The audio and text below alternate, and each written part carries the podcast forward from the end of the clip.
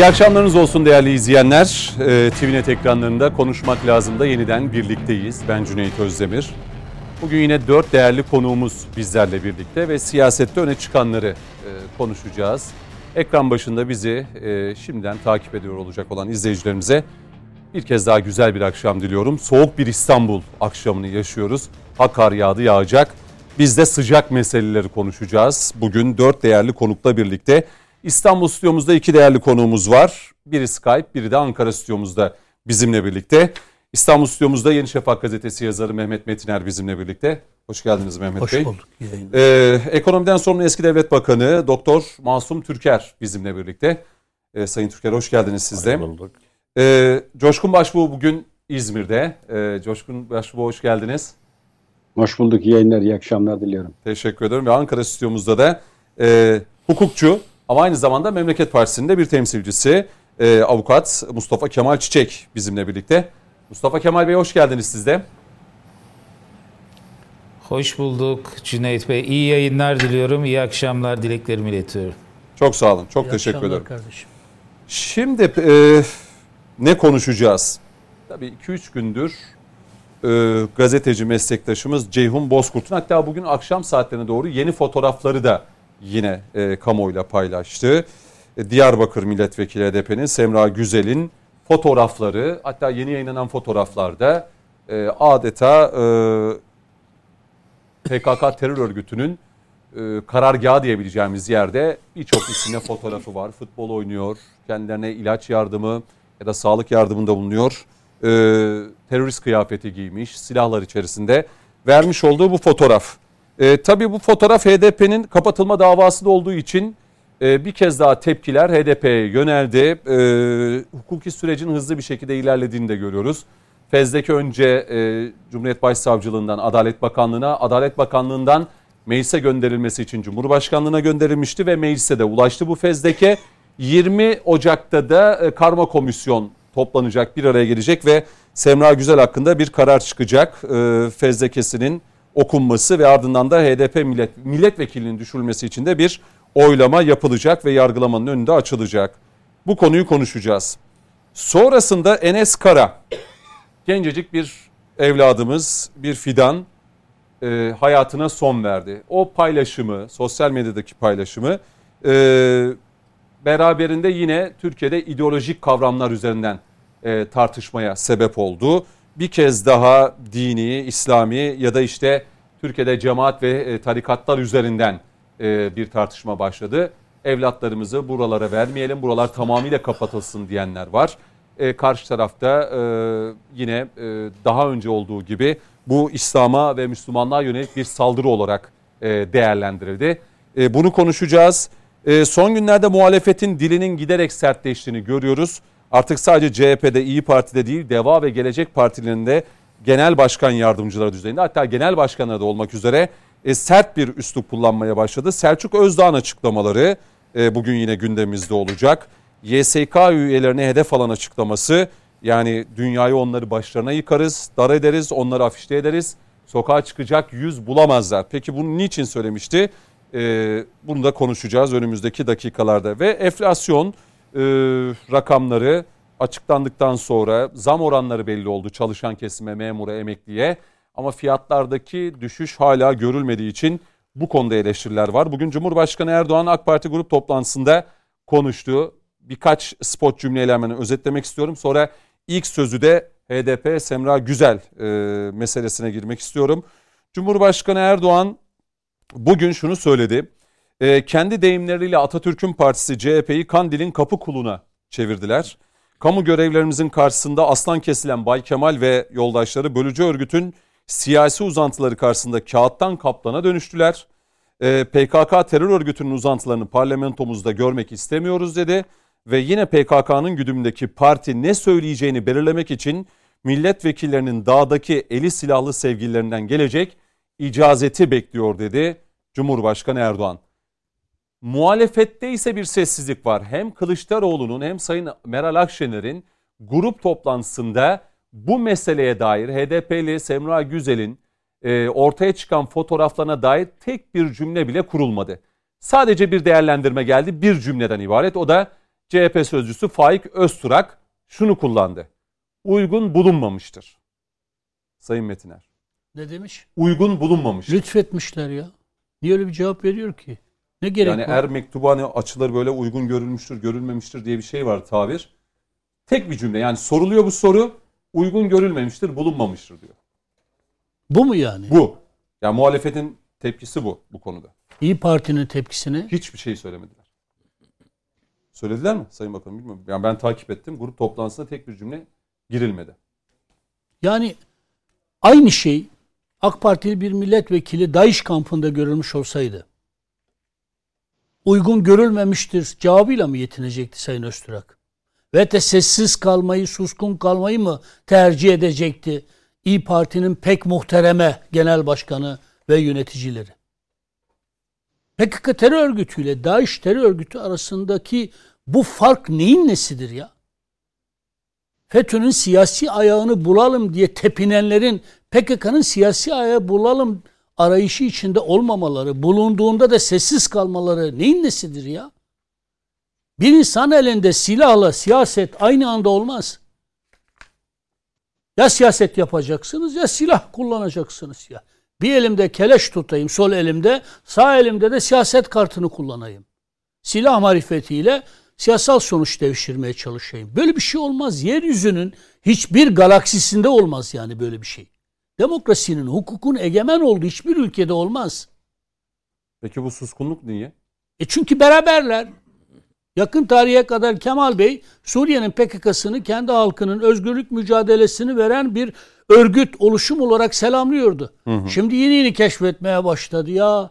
İşte o da bir terör örgütüymüş. PKK ile alakası varmış. E, günaydın Kemal Bey. Yani devlet nedir bilmiyorsun. istihbarat nedir bilmiyorsun. Devletin istihbarat birimlerinin verdiği bilgileri kale almıyorsun. Dikkate almıyorsun. HDP'lilerden terör e, hendek arkadaşlarım diye söz ediyorsun. Hendek terörü olduğu zaman Allah aşkına ya PKK'nın hazırlamış olduğu rapor e, şey CHP'nin hazırlamış olduğu raporlara bakınız. Arş arşivlerinde kaldırmadıysa ben kendim okuduğum için hatırlatıyorum. CHP'nin raporlarında söylenen şey şuydu. Devlet Kürt halkına katliam uyguluyor, Kürt halkını, bölge halkını tehcire zorluyor vesaire vesaire. Bir tek PKK terörüne yönelik bir eleştiri yok ya. Şimdi bu konuda Sayın Cumhurbaşkanı da bugün şunu söyledi. Niye susuyorsunuz? İP sen niye susuyorsun? HDP sen niye susuyorsun? Bay Kemal sen niye susuyorsun? Ağızlarından bir şey çıktı mı çıkmadı. Herhangi bir şey söylediler mi? Hayır söylemediler. Niye? İşlerine gelmiyor. Siyaseten işlerine gelmiyor diyerek ya da Millet İttifakı'nın işine gelmiyor diyerek bu meseleden kurtulmak bu kadar basit. Ya böyle bir şey olur mu ya? Ya bu ihanettir ya. Artık bazı şeyleri açık ve yüksek sesle konuşmanın vakti geldi geçti ya. CHP'nin yaptığı ihanettir ya. İyi Parti'nin yaptığı ihanettir ya. Yani utanmasalar, sıkılmasalar, arlanmasalar bu ülkede terör diye bir mesele yoktur diyecekler ya. PKK'da artık bir terör örgütü değildir diyecekler ya. Kardeşim sus şu sorunun cevabını bu ekranlarda başka ekranlarda defalarca aradığımızı söyledik. Bir kez daha söylüyoruz ya. Kulaklarınız duymuyor mu sizin ya? Gözleriniz görmüyor mu sizin ya? Yüksek sesle bağırıyoruz. Yüksek sesle. Türkiye'de PKK'nın siyasi ayağı kimdir? Var mıdır yok mudur ya? Bir cevap verin yani. Yok diyorsanız yok dediğinizi bilelim. Var diyorsanız o zaman ikinci sorumuz gelir. PKK'nın siyasi ayağı hangi partidir kardeşim? Hangi Siz hep bunu söylüyorsunuz yani FETÖ'nün siyasi ayağı ya. aransın dendiğinde hep bunu söylediniz. Hayır yok desinler. Bu cevaba da razıyız yani. Ha, yok Soruyoruz. desinler. PKK'nın siyasi ayağı var mıdır yok mudur Türkiye'de? Yoktur desinler razıyız ya. En azından bir cevaptır yani. Kemal Bey, Sayın Akşener. Lütfen ya. Ha var diyorsanız o zaman ikinci sorumuzu iliştiriyoruz. Bu arada sadece onlar sessiz değil, diğerleri de sessiz. Peki, peki varsa kimdir bu siyasi ayak? FETÖ'nün siyasi ayağını bulalım, ha bulalım, bulalım, ha bulalım diye tepinip durdunuz. Peki bulduğunuzda ne yapacaktınız? Diyelim ki bir parti FETÖ'nün siyasi partisi oldu olsaydı ve tespit edilmiş olsaydı Anayasa Mahkemesi tarafından onun kapatılması gerektiğini söyler miydiniz, söylemez miydiniz? Yoksa e, FETÖ'nün partisi de olsa yasal olarak kurulmuştur. Parlamentoda da eğer grubu varsa e, yasaldır, kapatılmasına karşıyız mı diyecektiniz. Ve o partinin genel başkanı, o partinin yöneticilerinin hapse tıkılması gerektiğine inanır mıydınız, inanmaz mıydınız? Eğer FETÖ'nün siyasi partisi bulunmuş olsaydı, siz genel başkanlarının, parti yöneticilerinin içeri çıkılmasını istemeyecek idiyseniz, o partinin de kapatılmasını istemeyecek idiyseniz Bay Kemal, rica ediyorum, yalvarıyorum ya. Niye o zaman FETÖ'nün siyasi ayağını bulalım diye tepinip duruyorsunuz ya, durdunuz ya? PKK'nın siyasi ayağı konusunda hiçbir çaba sarf etmiyorsunuz. Sorulara cevap vermiyorsunuz. PKK'nın demek ki siyasi ayağı, siyasi aparatı bulunduğunda da efendim ne yapalım? E, yasal olarak kurulmuş. E, parlamentoda grubu var. Anayasa Mahkemesi tarafından kapatılmasın. E günaydın. 15 Temmuz'dan hemen sonra FETÖ'nün siyasi ayağını bulalım diye tepinip durmanızın manası neydi? Kafa şişirmenizin manası neydi ya? Kime hizmet ediyorsunuz ya? Allah billah aşkına ya. Yeter artık ya. Her şeyin bir tahammülü var ya. Yani Türkiye'nin seçilmiş meşru başkanı hakkında her Allah'ın günü her şeyi söylüyorsunuz. Ama PKK söz konusu olduğunda, PKK'nın siyasi ayağı söz konusu olduğunda, PKK'nın kamplarında teröristlerle boy boy fotoğrafları çıkan milletvekilleri söz konusu olduğunda uygun görülmemiştir. Nokta. Tek cümle bu. Ey aziz millet.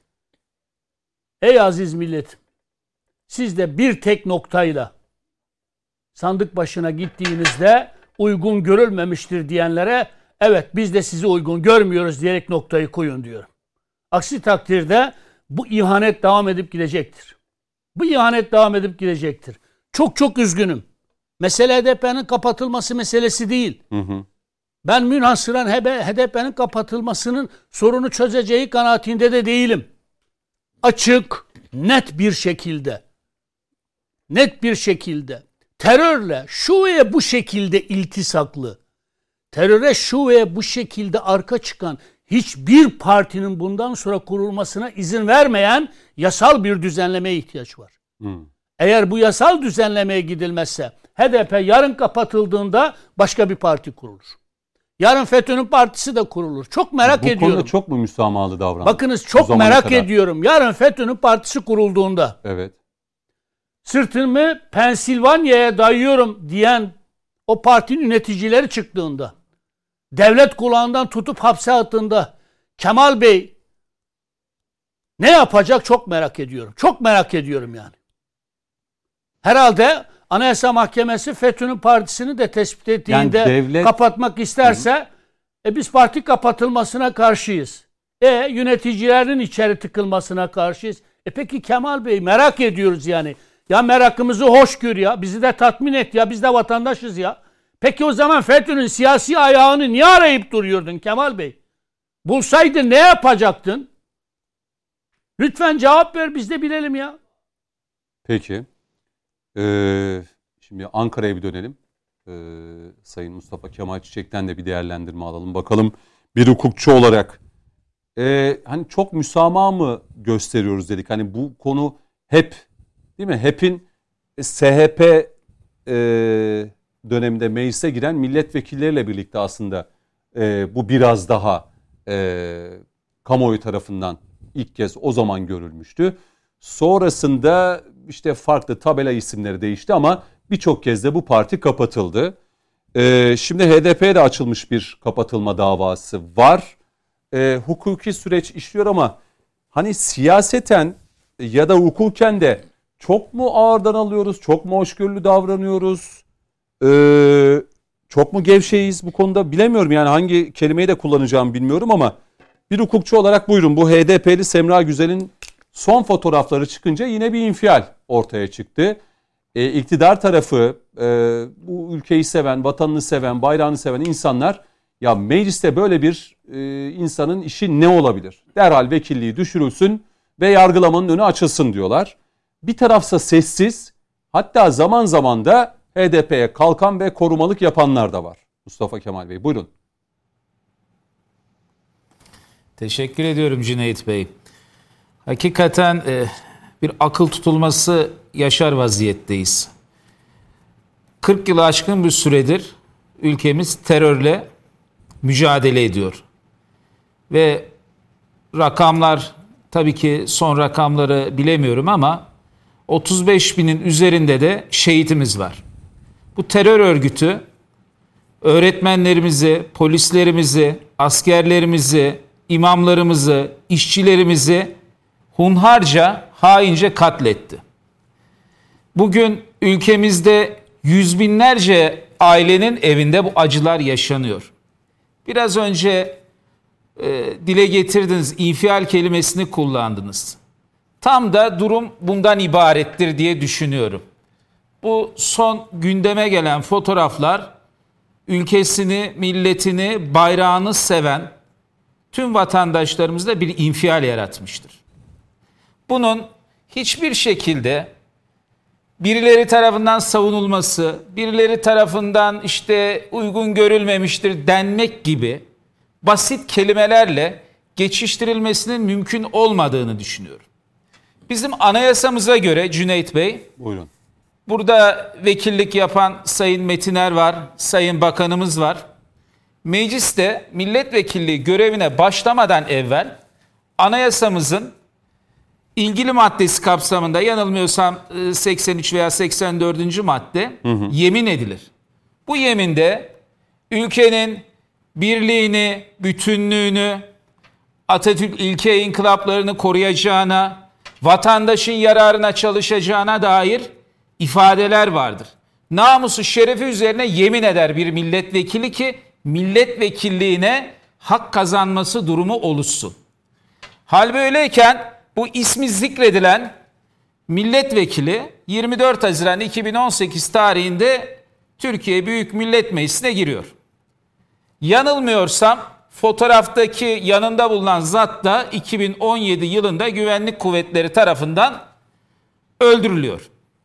Adıyaman Bir nevi kırsalında. vekillik sonrasında geliyor. Bu e, Adi- tam Adıyaman. bilemiyorum e, Metin Bey neresi Adıyaman olduğunu ama Adıyaman e, dediğiniz kırsalında. gibi Evet evet evet hatta Adıyaman savcılığı da tahkikat yapmış bu hususta doğru diyorsunuz. Böyle bir durum söz konusu oluyor.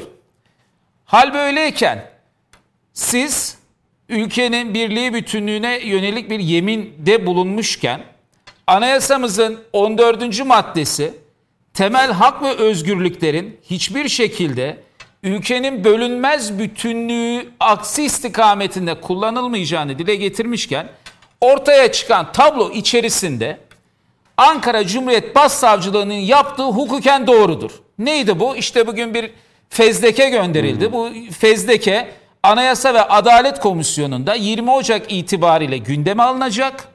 Bir alt komisyonda değerlendirmeler yapılacak. Alt komisyon bunu gerek görse karma komisyonu iletecek. Her mecliste grubu bulunan partiler buna üye verecek sayısınca ve bu meclis genel kuruluna götürüldüğü vakit salt çoğunlukla dokunulmazlığının kaldırılıp kaldırılmaması hususu değerlendirilecek. Bu tablo içerisinde hukuken Türkiye'nin terörle verdiği mücadele, geçmiş örneklere de baktığımız zaman dokunulmazlığının kaldırılmaması için de hiçbir neden ortada yok. Bugün bu şahsın milletvekilinin açıklamasına e, bakma gereği duydum. Ne demiş, kendisini nasıl savunmuş diye. İfadeler kadın düşmanlığı, Evet, cinsiyetçilik yani ilgisi, alakası, irtibatı olmayan ifadelerle kafa karışıklığına sebebiyet veren cümleler kullanılmış. Yok oraya girerken benim üstümü başımı değiştirdiler vesaire vesaire. Biraz önce dile getirildi. E siz bunları yaparken Kalaşnikov'la orada benim hangi vatandaşımı, hangi güvenlik mensubunu şehit ettiğini dile getiremedim. O silahla kimler şehit edildi sen o pozu veriyorsun orada. Yani bunun korunacak, himaye edilecek hiçbir yanı yoktur. Bunu şehitlerimiz için, toprağın altında yatan şehitlerimiz için, onların bize yadigarı olan aileleri için, ülkemizin birliği, bütünlüğü için himaye etmemiz mümkün değildir. E buna da e, tepki göstermeyen siyasi partilerde bunun hesabını halka vereceklerdir. Bunun hesabını tarihlerine vereceklerdir. İşte biraz önce ismini zikrettiğiniz partinin sözcüsü bunu dile getirmiş. Bu da münasebetlerin ne boyuta geldiğini göstermektedir. Ama burada şunu da yapmamız lazım Cüneyt Bey. partinin görüşü mü yoksa kişisel 15 görüşü mü Temmuz Faik Öztürk'ün 2016'da sizce? bu millet Partinin kurumsal görüşü mü Efendim yoksa Cüneyt Bey? kişisel görüşü mü? Kulaklık herhalde biraz yerinden çıktı Dedim kusura ki bakmayın. yani Faik Öz- Öztürk'ün bu kişisel hani uygun görülmemiştir cümlesi kişisel midir yoksa kurumsal anlamda parti sözcüsü sonuçta? Faik Öztürk burada e, kişisel münferiden bir değerlendirme yapamaz. Yani HDP ile olan münasebetler zaten uzun zamandır devam ediyor. Çok kısa bir süre önce zaten birlikte poz da verdiler. Hep eleştiriliyordu. Yukarıda görüşüyorsunuz aşağıda neden ayrısınız diye. Artık onu da ortadan kaldırdılar. Beraberce de poz verdiler. Aynı yollarda yürüdüklerini görüyoruz. Bu nedenle kurumsal kimlik e, hüviyetiyle verilmiş bir beyandır. E buradaki münasebetler de ortadadır. Kırmamak için mi verildi dersiniz? İleride bir seçim stratejisi için verildiğini mi söylersiniz? Bunları kamuoyunun takdirine bırakıyoruz. Burada çok şey söylenir ama son olarak şunu söylüyorum. Tabii. Hakikaten burada biz ülkemizin işte yakın geçmiş zamanda 2016 tarihinde 250 yurttaşımızı kaybettik 15 Temmuz'da. Burada biraz önce söylendi. Bunun siyasi kanadı nedir? Açıklansın dendi. Mutlaka vardı tabii siyasi destekçileri. Bunların da gün yüzüne çıkarılması lazım. İşte bugün fotoğraflar tartışılıyor, gündeme getiriliyor vesaire. Bu ülkenin güzelliği, birliği, bütünlüğü için hiçbir şekilde kimseyi himaye etmeden, korumadan üzerine gitmemiz gerekiyor. Bu millete en büyük hizmetimizin de bu olacağını düşünüyorum Cüneyt Bey. Peki. Şimdi e, Sayın Bakanım size döneceğim. Masum Türkiye'ye Bir de döneceğim. şey bir açıklama yaptı. Ee, HDP adına bir milletvekili, adı lazım olmayan bir milletvekili. Efendim sözlüsüymüş, sözlüsünü ziyarete gitmiş. E, Bize ne sözlüsünden? Ya bu ya bu bu nedir ya? İşte Hani bu bugün şey Kemal, gibi. Mustafa Kemal kardeşimin de dediği gibi yok cinsiyetçilik, kadın düşmanlığı. Bu nedir ya? Bu, bu şey gibi bir dönem bazı Nedir? gazeteciler diyordu ya kandilde sigara izmariti bile yere atılmıyor.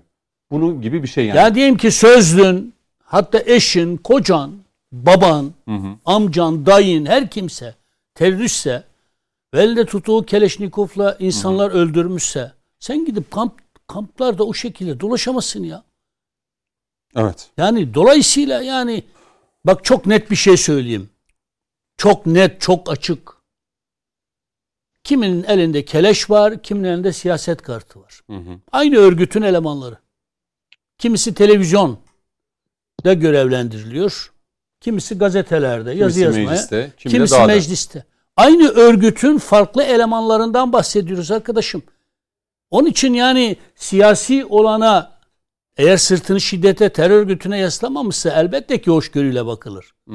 Yani keleşle siyaset aynı kefeye koyulmaz ama aynı örgüt rol biçiyor. Diyor ki Masum Bey sen git siyaset yap. İşte sen de git dağ başında. E ya bu, bu talimata göre parti kurduğun zaman gazete yönettiğin zaman suç işlersin. Bakın bende çok isimler var. Yani Türkiye'de şu an kapatılan PKK'yı desteklediği için kapatılan ve şu an ne yazık ki CHP'li belediyelerde çalıştırılan, yüksek maaşlarla çalıştırılan. Ya bu, bu gazetecilik faaliyeti değil arkadaşlar. Peki. Yoksa keşke HDP gibi bir parti sırtını bir terör örgütüne. Bak- Ama artık onlar gizlemiyorlar. Aleni Yani onlar gizlemiyor da CHP. Yani ben şeye Katırcıoğlu, kızmıyorum. Katırcıoğlu ne demişti? yani, Yani HDP ile PKK arasında ilişki var mı? bakınız demin Ana ile oğul arasındaki ilişki neyse o. Sayın Bakanım demin ki öfkem vallahi billahi HDP'ye yönelik değil ya. Onlar kendilerine biçilen rolü oynuyorlar ya. Ve bunu da inkar etmiyorlar. Diyorlar ki bizi 100 yıl, 1000 yıl cezaevine de atsanız, öldürseniz evet biz bu izliyorlar. Benim öfkem Atatürk'ün partisi olduğunu iddia eden CHP'ye Devlet Bahçeli'den, Sayın Bahçeli'den de bin kat daha ülkücü milliyetçi olduğunu söyleyen İyi Parti'ye bizden kopan partilere de demiyorum yani. Bir Devası geleceği var. olmayan e, partilere de demiyorum ya. Onların üstünü örtmesine uygun görülmemiştir. Ben soruyorum o zaman. Faik Öztürk'a soruyorum. Bir AK Partili milletvekilini bırakınız. Şu an mecliste olan bir AK Partili milletvekilini bırakınız. AK Parti'nin en alt katmanında görevli bir insan DAEŞ'in kampında görülmüş olsaydı. Bırakınız elinde keleşle DAEŞ'in kampında DAEŞ'li bir teröristin cenazesine katıldığını görseydiniz. Sadece uygun görülmemiştir mi derdiniz? Yoksa gök kubbe aşağı indirmek için Hmm. her türlü hezeyanda bulunur muydunuz? Peki. Şimdi Sayın Bakanım, e, 80'li yılların sonlarıydı değil mi? Yani SHP'den giren milletvekili işte Leyla Zana. Şimdi- 91. 91. Evet 90'lı yılların başları. Şimdi o gün yaşanan görüntülerde hep şu eleştirildi. Yani şiddetle teröre arasına mesafe koyan ki ben bu mesafe ya terörün tarafındasındır ya da terörün karşısındasındır. Bir kere bu mesafe lafını da ortadan kaldırayım. Ya ben az mesafedeyim, çok mesafedeyim. Şimdi o gün yaşanan görüntülerde işte Türk demokrasisi kötü bir sınav verdi dendi. İşte o Toroslar geldi, milletvekilleri yaka paça alındı vesaire diye. Şimdi bugün bu konuştuğumuz fotoğraf, görüntü üzerinden işte mecliste bunları görmek istemiyoruz diyen milyonlar var. Yani siz de sokağın nabzını görüyorsunuz mutlaka. Hatta öncesinde de yine yapılan açıklamalar, işte tükürüğünde boğarız, YPG dayıyoruz, heykelini dikeceğiz vesaire. Bu konuda Türk demokrasisi çok mu naif, çok mu müsamaha gösterdi? Yani bu konuda elbette o günkü gibi böyle yaka paça böyle yakalarından tutun da Toroslara bindirin falan demiyoruz ama e, Sayın Metre'nin dediği gibi yani siyasi partiler kanununda bir değişiklik mi olacak? Şiddet ve terörle Avrupa'da olduğu gibi işte hani Batusuna, işte İra örneği var, pek çok ETA var. E, bir katı mı olmamız gerekiyor? Yani devlet burada hani deriz ya bir şefkat eli vardır bir de Yavuz eli vardır. Yani terör konusunda biz son 25-30 yıldır bunu görüyoruz. Ve HDP de artık daha önceki tabelalar da değişmeden önce daha da siyaseten güç alarak biraz da şımarıklaşarak daha da aleni bir şekilde her şeyi söylüyorlar. Pervin Buldan daha geçtiğimiz yakın dönemde şunu söyledi. Ya siz HDP kapatma davası soru soruluyor. Ne kapatmadan bahsediyorsunuz diyor. Biz diyor demokrasi ittifakıyla bu ülkeyi yöneteceğiz diyor. Buyurun. Şimdi siyasi süreçle e, siyasal iletişimi, algı oluşturmayı ve gerçekleri birbirine karıştırmamak lazım. Bir kere kim olursa olsun, ne olursa olsun bu ülkede şiddetle, silah zoruyla, terör estirerek bu ülkeyi bölmeye çalışan herkese karşıyız. Kim olursa olsun. Aynen. İster etnik olsun, ister dini olsun, ister siyasal olsun, ister ideolojik olsun, bu ülkeyi bölmeye kimsenin hakkı yok. Ama 31 yıldır 91 yıl dediniz. 31 yıldır bu siyasi ideoloji var. Şimdi Bölücü, ayrıştırıcı, bozguncu. Türkiye'nin özelliği şu. Osmanlı İmparatorluğu dağıldıktan sonra kurulan devletlerden hem batıyı kendisine yakın tutarak çağdaş medeniyeti oluşturarak hem de bu coğrafyada bu sınırlar içinde yaşayan herkesin birlikte mücadele ederek bir ulus oluşturduğu bir devletiz. Yani Türkiye Cumhuriyeti aslında bir ulus devlettir. Hı hı. Bu ulus kimdir? Bu ulus bu sınırlar içinde mücadele eden, zamanında bağımsızlıktan, özgürlükten yana olan, bütün etnik, dini, farklı, aklınıza ne gelirse gelsin herkestir. Ve bunlar yek vücut olmuşlardır.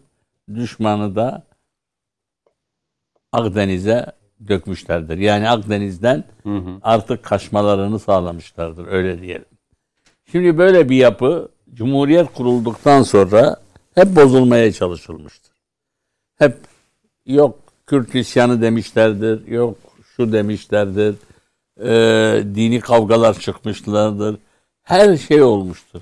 Bu yetmediği gibi Osmanlı zamanında o zamanki yönetimden kaynaklanan mesela Ermeni teşhiri gibi olguları bir ayrımcı yapıyla gündeme getirmişlerdir. Bunu yurt içinde de gündeme getirmişlerdir, yurt dışında da gündeme getirmişlerdir.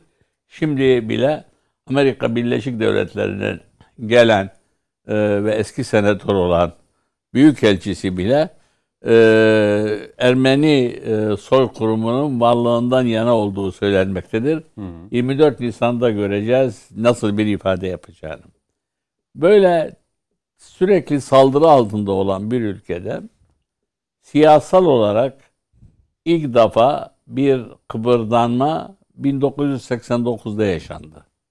89 yılında SHP'nin bünyesinde olan o tarihte bazı milletvekilleri Fransa'da Paris'te yapılan Kürt konferansına katıldı diye partiden ihraç edildiler. Fakat bir yıl sonra bu sefer bir parti tüzel kişiliğiyle yani HEP'le ittifak yaparak parlamentoya sokuldular. Parlamentoya girerken birçok olaylar oldu. Yemin töreninde olaylar oldu. Sonrası şu oldu bu oldu. Ama sonuçta hem o parti kapatıldı hem de milletvekillerinin dokunulmazlığı kaldırıldığı gibi milletvekillikleri düştü. Böyle bir süreçten geçildi. Geçmişte de yakın tarihte de yine benzer olaylar parti kapatılmadı ama hep dokunulmazlıklar kaldırıldı ve düşürüldü.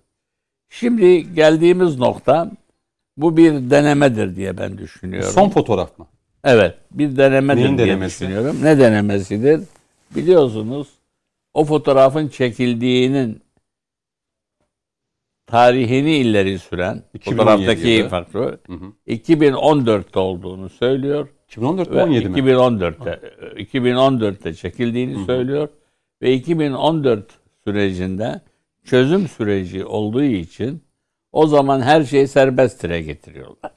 Şimdi bunlar çok stratejik, çok şeyli e, yanıtlardır. Bunlara dikkat etmek lazım. Hmm.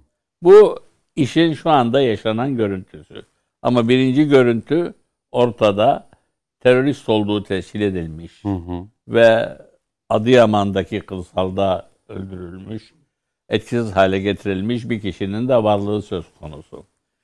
Üçüncü tarafa geliyoruz. Üçüncü tarafta şu, maalesef Türkiye şu anda en zor günlerini yaşıyor. Seçime yakın, seçime gebe, seçimin ne zaman olacağı tartışılan Hı hı. bir tarihteyiz. Ve bu süreçte hem iktidar hem muhalefet pozisyon alıyor.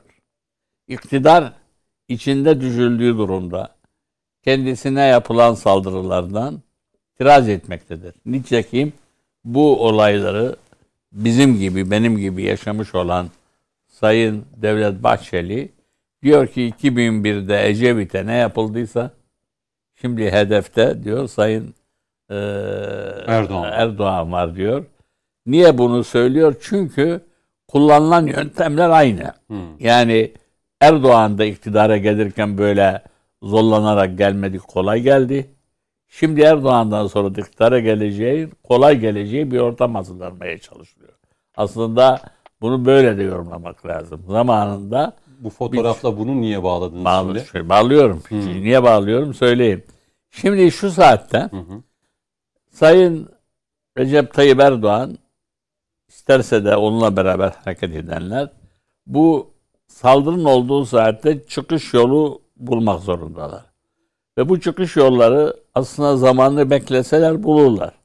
Yani şu anda bu gündeme bu hafta geldi fotoğraf.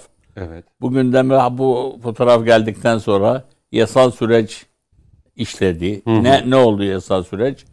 Hemen bir fezleke hazırlandı. Fezleke Adalet Bakanlığı aracılığıyla bazıları da onu karıştırıyorlar. Cumhurbaşkanı talimat verdi. Cumhurbaşkanlığından geçti. Kuvvetlerin ayrılığı ilkesine göre eskiden bu fezlekeler Başbakanlık aracılığıyla yani Adalet evet. Bakanlığı için sekreteriydi ama hükümetin bilgisi dahilinde gelirdi.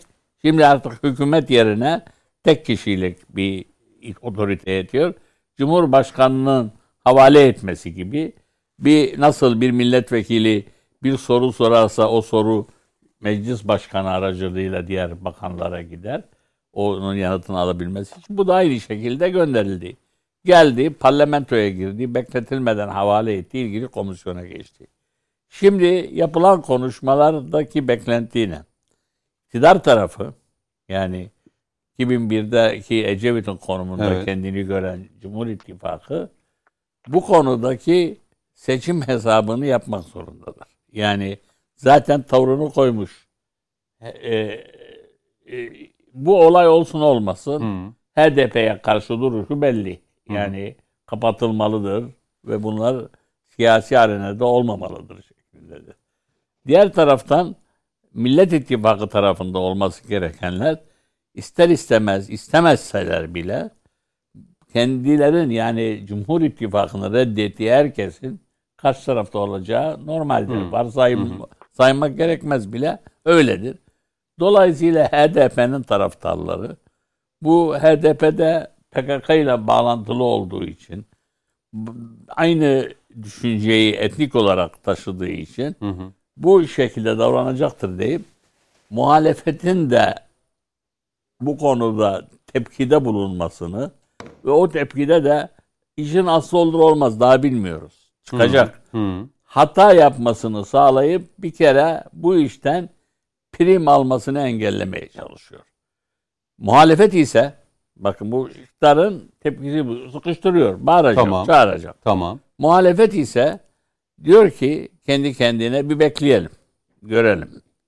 Ona göre tavrını koyacak. Neyi bekleyip görecek E, yani? görecek. Şimdi, Şimdi bu fotoğrafla, bu görüntüyle yarın görecek. bu kadar sessizlik yarın ve görecek. suskunluk Yarın görecek. yarın görecek. Yarın nasıl görecek? Yarın meclise gelen fezlekenin ha, oylamada. e, oylama da değil. ya. Fezleke gelince Evet. fezleke ile ilgili dokümanlar yarın itibariyle partili milletvekillere dağıtılacak. Tamam. Hem Anayasa Komisyonu'na hem, Hem de de partiler. hem de yok şeye bütün herkese değil. Anayasa ve Adalet Komisyonu Tamam. üyelerine. Hı hı. Adalet ve Anayasa Komisyonu üyelerine dağıtıldıktan sonra şimdilik parti yönetimi üstüne atmış olacak, üstünden atmış olacak. O gruplarda, o komisyonlarda kendi temsil edenleri Yani karma komisyonu. Tabii karma komisyonda orada temsil edenlerin ve çoğunluğu hukukçu olanların ve karşılarındaki de muhatapları yani diğer Hukukçu olan. partilerin Hı hı. hukukçu olan bir yapıya girmiş olur. Ya komisyonda aslında hava belli olacak. Ta, orada olur siyaset. Neden? Orada olacak. Çünkü bir tek bir şey ama tavır koymuş. Bu e, doğru bir tavırdır. Sayın Öztürk ne diyor? Böyle bir şey olmamalıydı. Yani temennisi onun Uygun bu, olmamıştır. bu işin bu şekildeyse olmadığı yönündedir. Ama temennisi inşallah çıkmaz. Hani şey var ya E, tamam da ben de uygun olmadığım pek çok şeyi görüyorum ama e, ama siyaset yapıyor bakın. Orası karar organı değil. Diyelim ki çıktı. İstediği kadar söylesin Kılıçdaroğlu. tamam komisyonun olacak. Hayır hayır bir- Beral Hanım da istediği kadar söylesin. Kararı onlar vermeyecek ki komisyonda tartışılacak bakın. Ya bu siyasal Onun için pozisyon alma tabii ama önemlidir ya. siyaseten bakın iki taraf Mesele siyaseten, sadece dokunulmazlık siyaset, meselesi değil ki. Siyaset şeyi siyaset örgüsü şu anda eğer Cumhur İttifakı sahip çıksaydı emin olun bunlar saldıracaktı. Yani bu gerçeği hiç unutmamak Tam lazım. tersi bir durum olsa diyorsunuz. Olsaydı tabii. Çözüm, çözüm zamanında hatırlayın çözüm zamanında çözüm sürecinde mesela Ama- benimle de o zaman konuştular. Genel başkandım DSP'nin.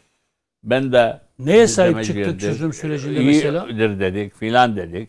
Konuştuk. Ama ilk başlangıçta hatırlayın o tarihte muhalefet olanlar bu organizasyonları, bu işe katılanları eleştiriyordu. Ama Tam çözüm sürecinde oluyor. Neye AK Parti çıktık biz? seçimi kazanmak için O zaman başla- seçim yoktu. Tamam yoktu Bakın, ama bakın. hiçbir zaman seçim kazanmak adına bir işbirliğine girdim mi bilmiyorum AK Hayır, Parti. hayır, Değil, yok böyle şey ya. Yok, hayır, değil. böyle bir şey yok ya. Bakın. Ben Biz bir neye sahip çıktık bu süreçte? Seçim iki taraf arasında. Tamam. Yani şu anda birisi diğerini Hı hı. niye peki AK, şey AK Parti diyor ki sen de konuş. Sana ne bırak o konuşsun konuşmasın. Demelerinin nedeni siyaseten saldırıyor bakın. HDP'ye saldırmıyor. Çünkü şu anda iktidar için HDP zaten saldırılmış ve şu anda Anayasa Mahkemesi'nde mahkemesi görülüyor. Belki bu çıkan olaylar o Anayasa Mahkemesi'ndeki karar sürecini hızlandırabilir ya da hızlandırmaz.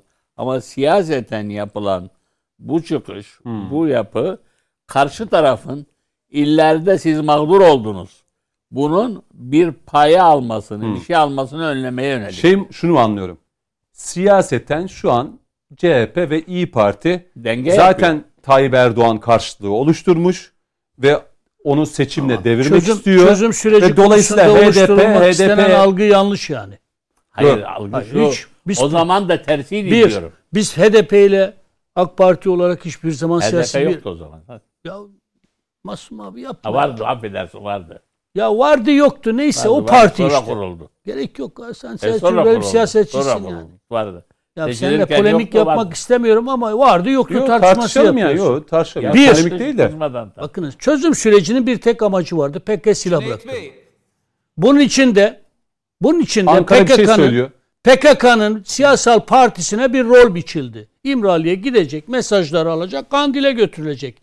AK Parti'mizle HDP arasında ne seçimle ilgili, ne seçim ittifaklarıyla ilgili, ne de başka bir konuda ittifak yapılmamış. O zaman ittifakta İki, yasaktı. PKK terör örgütüne yönelik hiçbir müsamaha göstermemiştir. Silahların bıraktırılması ve son kertede de silahların toprağa gömülmesine yönelik bir süreç başladı.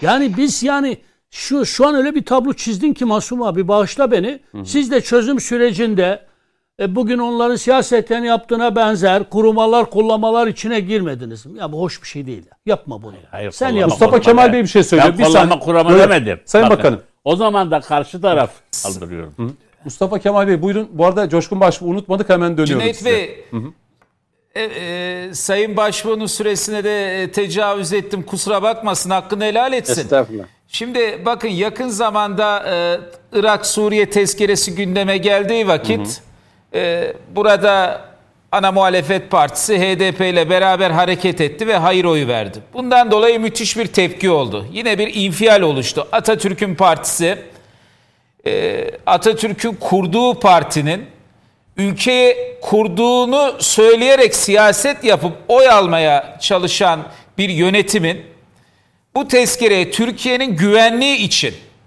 ehemmiyetli olan bir tezkereye ve genel merkezin 14 katlı genel merkez binasına hudut namustur dedikten sonra hudutu korumaya yönelik olan bir tezkereye hayır demesi sonrasında Yozgat'a gitti. İnfial oluşması neticesinde bu Sayın Genel Başkan orada dedi ki biz iktidara geldiğimizde Kandil'i yerle bir edeceğiz dedi.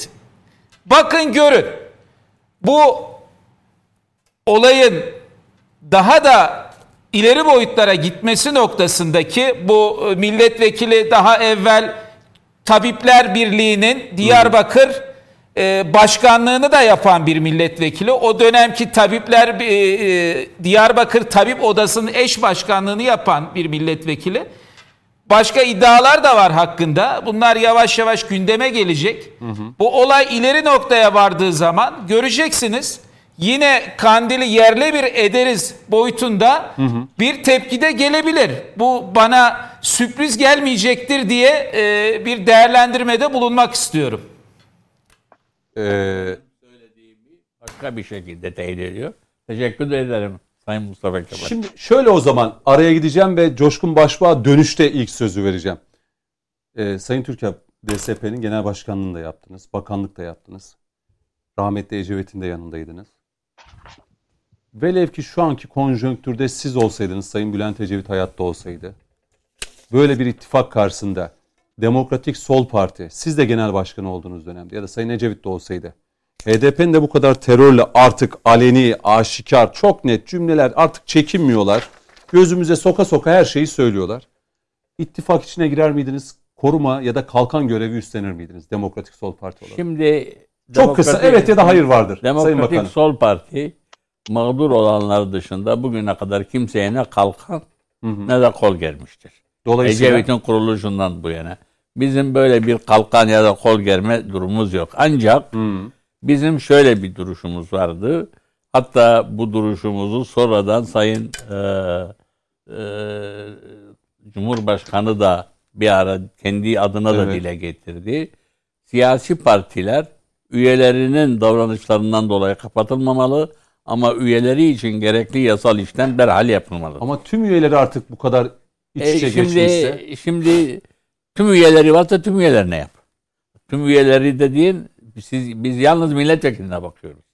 Yani buradaki partinin Tamam yani partinin yetkili tabii. organlarında görevli. Tabii İşte tabii. Bakın, genel bakın başkan Sayın. Mehmet Bey, Metiner'le aynı görüşteyiz. Bugüne kadar bu ülkede hangi parti kapatıldıysa farklı şekilde güçlenerek geldi. Böyle bir şey yerine... Şu an kapatılsın diyorsun daha mı güçlenir? Hayır ben e, şu anda kapatılırsa eğer hukuk dışı güçlenir ama hukuken mevcut yasaya göre kapatılması gerekiyorsa şu anda anayasada görüşülüyor. Söyleyecek bir şeyimiz Peki. yok. Yani bazı şeyleri biz hukukçunun yerine geçip karar veremeyiz. Şu anda bile siyaseten bu karar ne dedim? Yarın sabahtan itibaren bugün ulaştı ya şey yarın dosyalar verildikten sonra Peki. artık her milletvekili o komisyonda olan kendi başına sorumludur. Peki. Bakacağız göreceğiz. Niye diğer fezlekeler bu hızla inmiyor genel kurula? Ben de eski bir milletvekili olarak isyanımı dile getireyim. Hmm, Bin tane var. doğru. Bin tane değil yani belli olanlar var yani. Niye getirilmiyor kardeşim? Niye? Niye?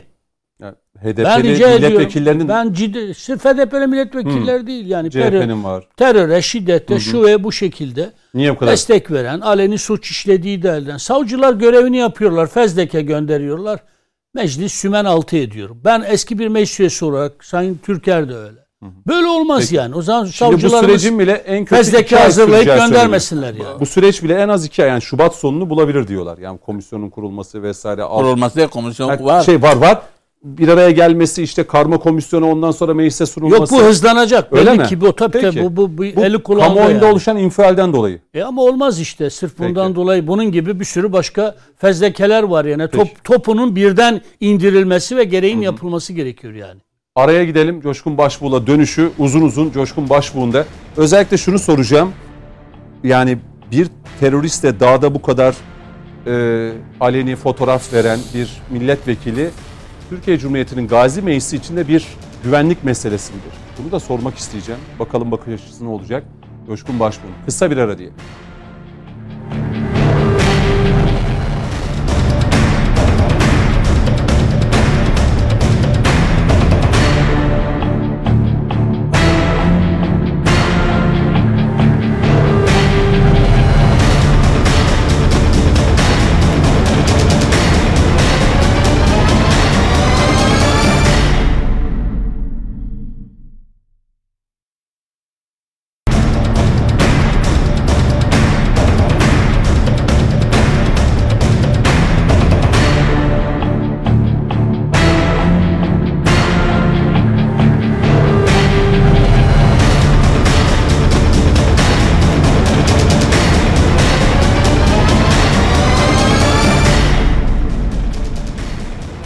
Konuşmak lazım devam ediyor. Mehmet Metiner, Masum Türker, Coşkun Başbuğ ve Mustafa Kemal Çiçek bu akşam konuklarımız.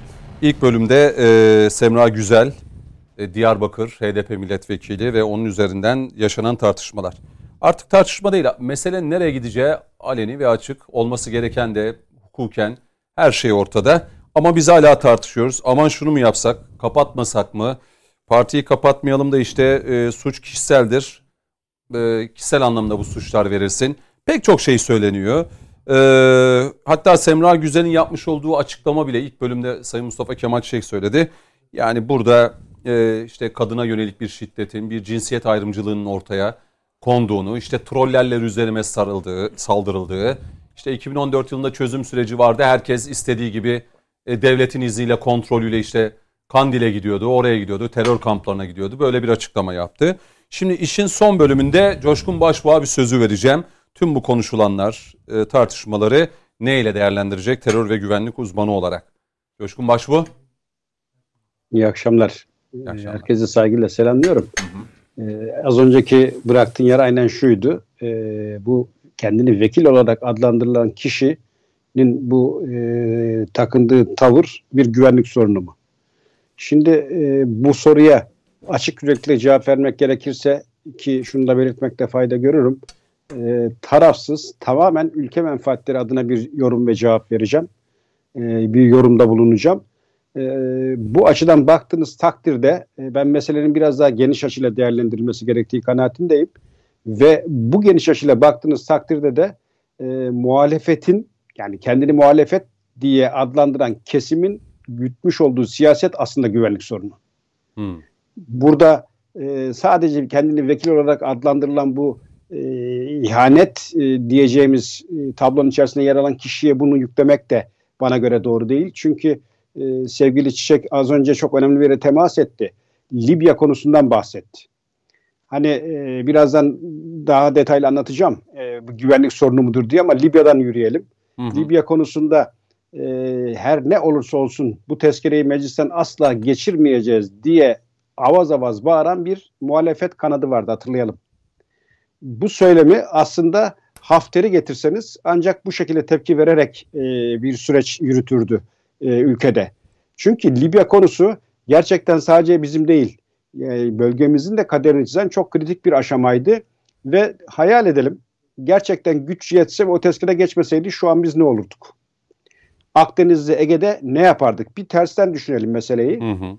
Ee, ve neden böyle bütün o muhalefet kanadını özellikle de belli bir kesimi bu potaya oturtturduğumu daha iyi kavrayalım. E, keza senin sorundan hareket edelim. Şu an e, gerçekten Irak'ta ve Suriye'de bir bataklıktan hep söz ettik. Burada ciddi bir çöplüğü e, oluşturulduğunu hep anlattık. Amerika ve diğer emperyal yapılar tarafından. Türkiye şu an bu pisliği temizliyor. Irak'ta çok ciddi mesafe kat ettik. Suriye'de hala yapacağımız işler var. E siz o pisliği temizledikçe altından da kirletilmiş, kirli ilişkilerin, kirli şeylerin ortaya çıktığı bir süreç yaşanıyor. Hı hı. E, ben bu e, üzerine konuştuğumuz fotoğrafla bu işlerin e, sınırlı kalmayacağı kanaatindeyim. Önümüzdeki günlerde çok daha başka partilerde, çok daha başka isimlerle yepyeni konuları tartışacağımız kanaatindeyim. Çünkü öylesine gırtlağına kadar bataklığa ve pisliğe bürünmüş bir kitle var ki e, gene Mehmet abi çok önemli bir temasta bulundu. Bana göre zaten manşeti bu gecenin.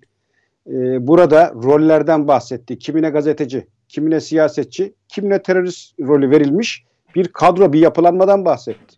Tam doğru tanım da bu. Hı hı. Ülkede şu an maalesef medya mensubu olarak adlandırdığımız, gazeteci olarak tanıdığımız, siyaset yaptığını zannettiğimiz, e, herhangi bir muhalefet kanadının lider olduğunu düşündüğümüz kişilerin esasen arka planda çok farklı yerlerle iltisaklı olduğu ve kendisine verilen rolü oynadığını artık dillendirmenin zamanı geldi. Fotoğrafta öldürülen terörist aslında üniversitede gazeteciliği bitirmiş. Belki şu an ülkede olsaydı, yaşıyor olsaydı belki yine terör propagandası vesaire tutuklu olacaktı. CHP'de çıkacaktı diyecekti ki içeride tutuklu gazeteciler var diyecekti. Basın özgürlüğünden bahsedeceklerdi. Yani hani onu da Gene- bir hatırlatayım dedim. Gene senin de çok önemli bir tespitin var. Çok mu acaba müsamahakarız diye ben yürekten katılırım. Ee, dünyada Türkiye'den başka bu konuda bu kadar serbestliğin olduğu, bu kadar özgür bir ülke asla bulamazsınız. Lafını ettirmezler. Şu Türkiye'de dönen o e, birçok olayın esamesini göremezsiniz diğer ülkelerde. Siz bakmayın demokrasi beşiği, demokrasi havası dediklerine. Orada belli kural ve belli bir sistem yürür. Bu sistemin dışına kim çıkarsa da makama mevkiye bakılmaksızın e, sesi kesilir. Örnek Fransa. E, Fransa'yı hatırlarsanız iki tane gazeteci. İşte işi gazetecilik adamların.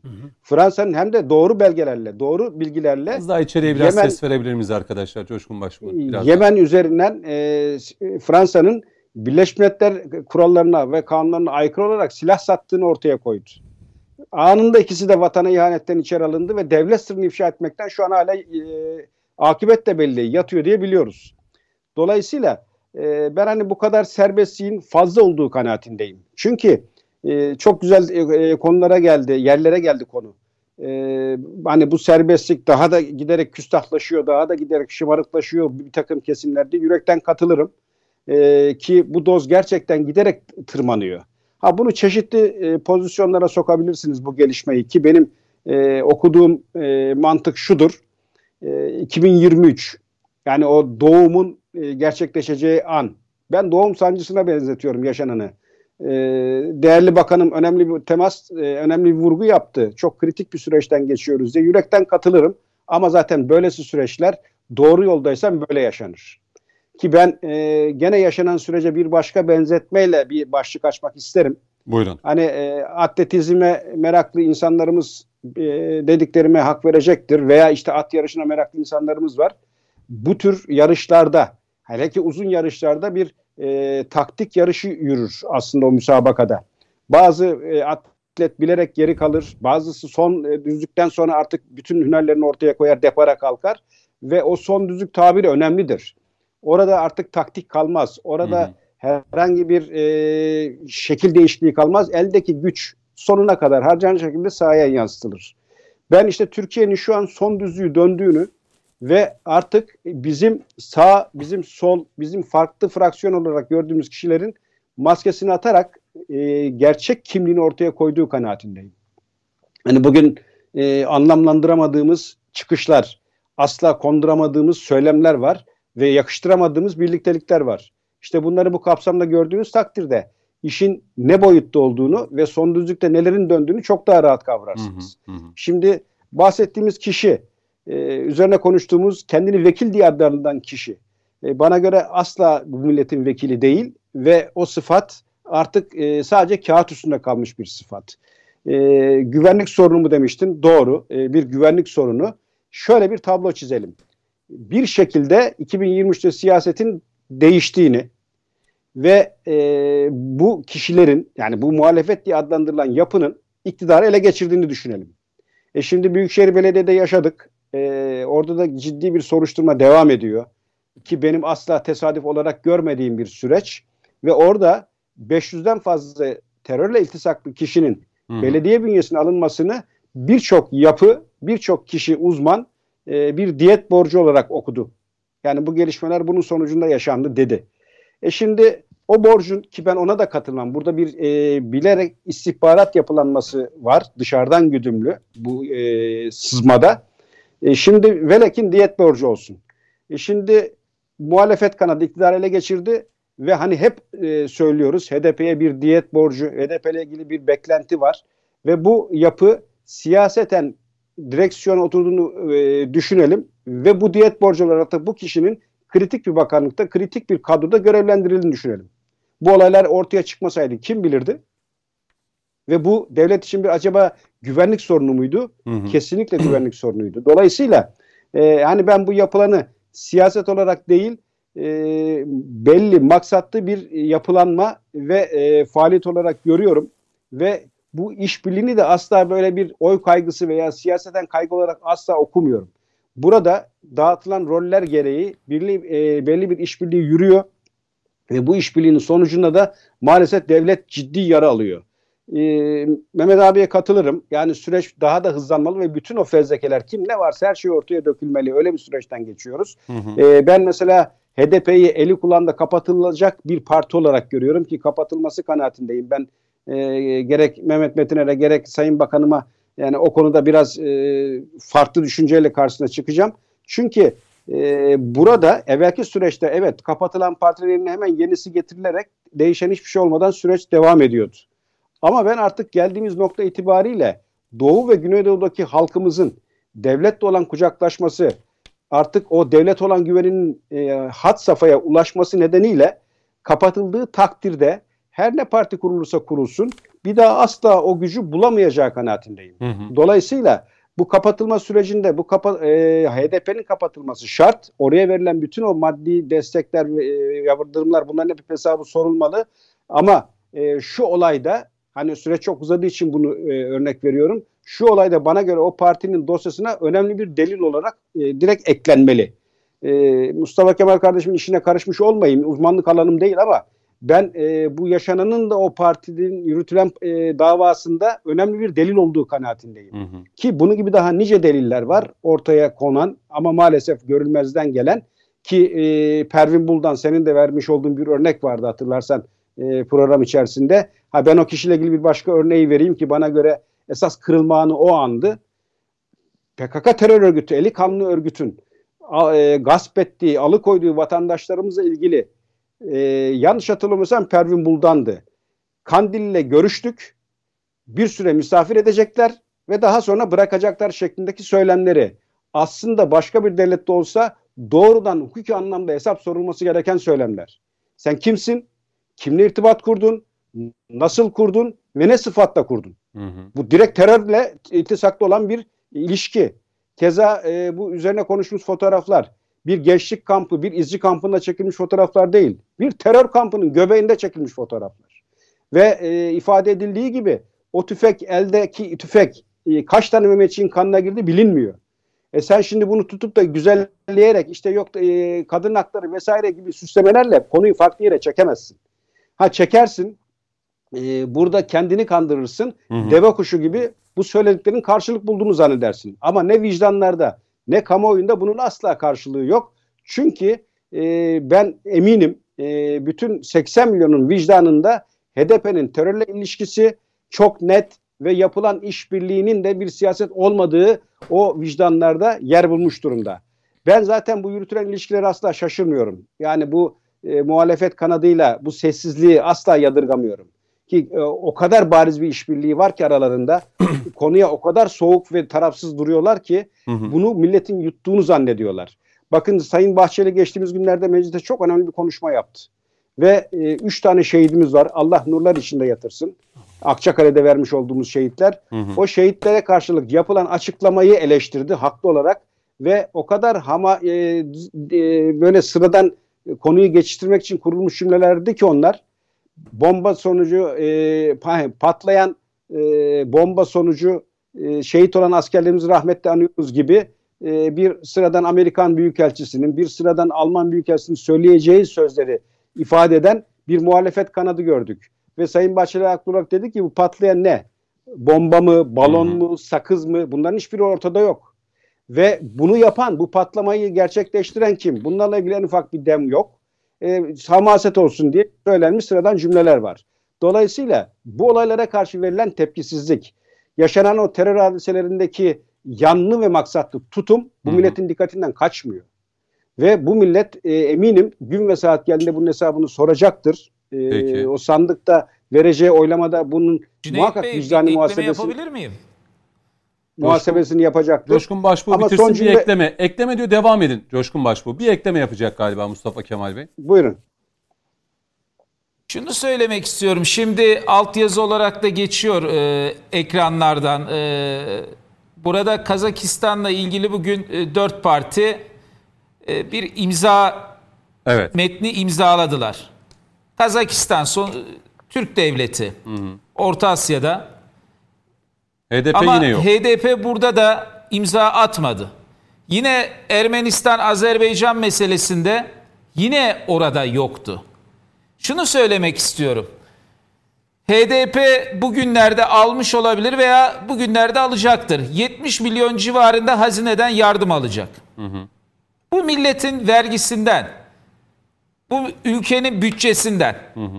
Şimdi bunu soruyorum. Şimdi Anayasa Mahkemesi tabii biraz önce Sayın Başbuğ söyledi. Yeni delildir bu dedi.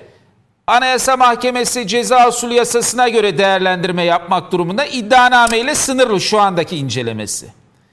Lakin Anayasa Mahkemesi siyasi karar veren bir mahkeme. Şimdi böyle bir durum ortaya çıktığı zaman bunu da gözetmemezlik hali içerisinde olamayacağı kanaatindeyim.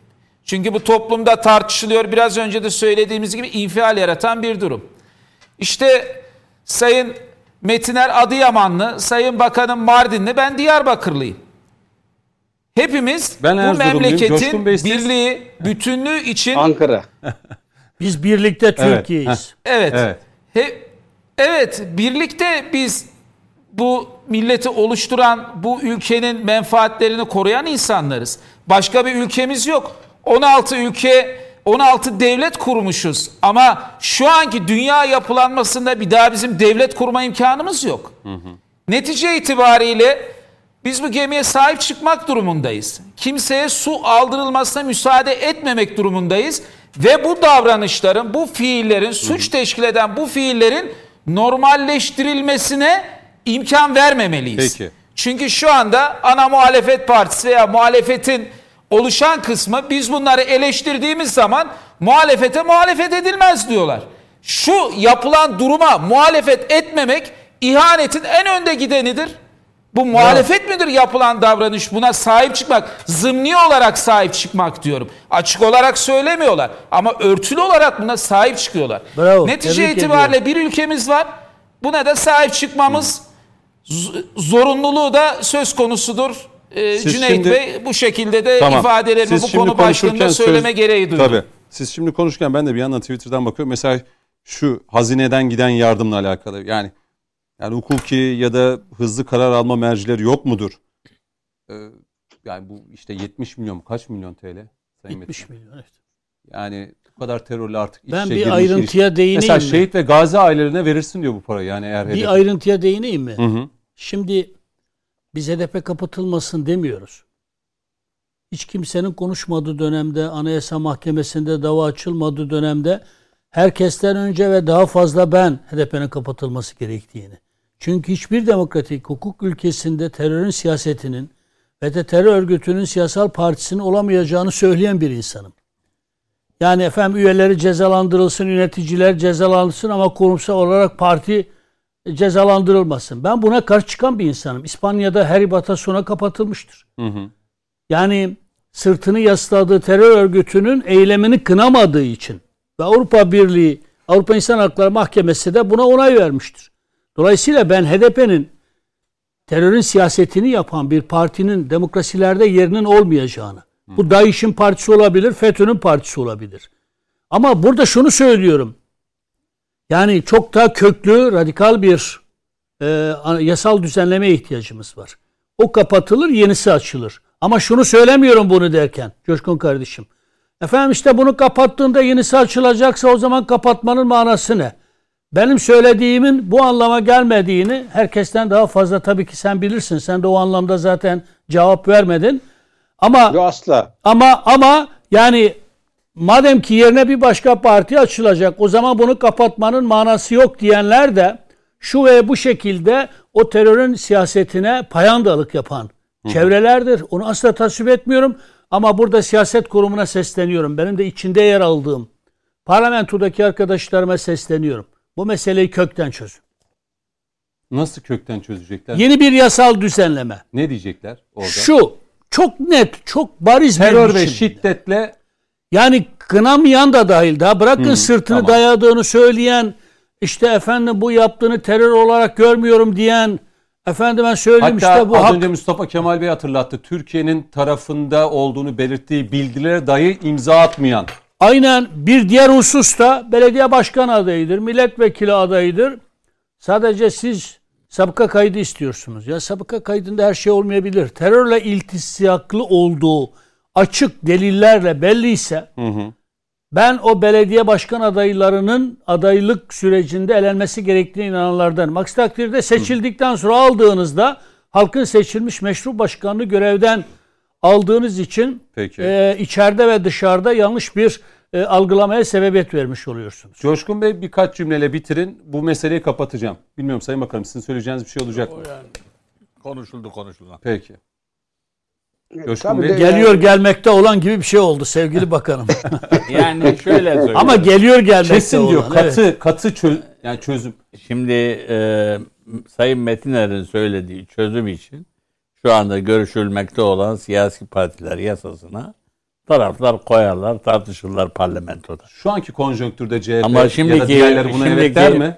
şimdiki olayda Demezler. Şimdiki olayda, şimdiki olayda burada bir oluşum var ortada. Bir Evet. vaka var, bir gerçek var. Ve bu vakada birinci aşamasını beklemeden bir gün içinde Peki. parlamentoya yansıtılmıştır. Şimdi görev parlamentonundur. Peki. Biraz evvel Sayın Metiner parlamentoda bekleyenlerin tamamı yapılsın Aynen. dedi. Ben de aynı fikirdeyim. Yani bu tür geldiği zaman varsa kim olursa olsun bak bitir bir günde. Yani Semra güzel değil. Bekleyenler varsa hızlıca. Ya bitirir Peki. ama bunun bitmeme nedenleri var. Herkes bilir. Onun için çok da fazla e, Ne dersiniz bir vatandaşımız bağırıp mesela- söyleyenler getirmezler. Mesela böyle. Anayasa Mahkemesi kapatma davalarında karar alırken mesela hazine yardımından sonra pek çok şey baktım böyle ya deniliyor ki biz bunu kabul etmiyoruz. Yani şu son fotoğraftan sonra işte bu tepkiler geliyordur. Bu aşamada hazine yardımını engelleyemezsiniz. Engelleyemezsin. Kapatılmadığı sürece engelleyemezsiniz. Çünkü açık yasal bir hüküm. Ee, yani bu yasaya aykırı o partiye ver, bu Bütçe partiye geçti artık. E, ver. Avrupa'da Batasuna için böyle bir şey var Ha, mıydı? kapatıldığı için kapatılsa Kapatılmadan önce hazine devlet yardım var mıydı? Orada- Vardı orada da vardı, var. var. Ama ben şuna da karşıyım. Yani partilerin böyle devasa Hmm. e, yardımlar almasını doğru bulmuyorum. Demokratik siyaset rekabet açısından da doğru bulmuyorum. Küçük kurulan Var partiler var. partiler Yeni bu partiler şey var mı? Hazine olması yardımı. gerekiyor. Bir diğer husus da şu.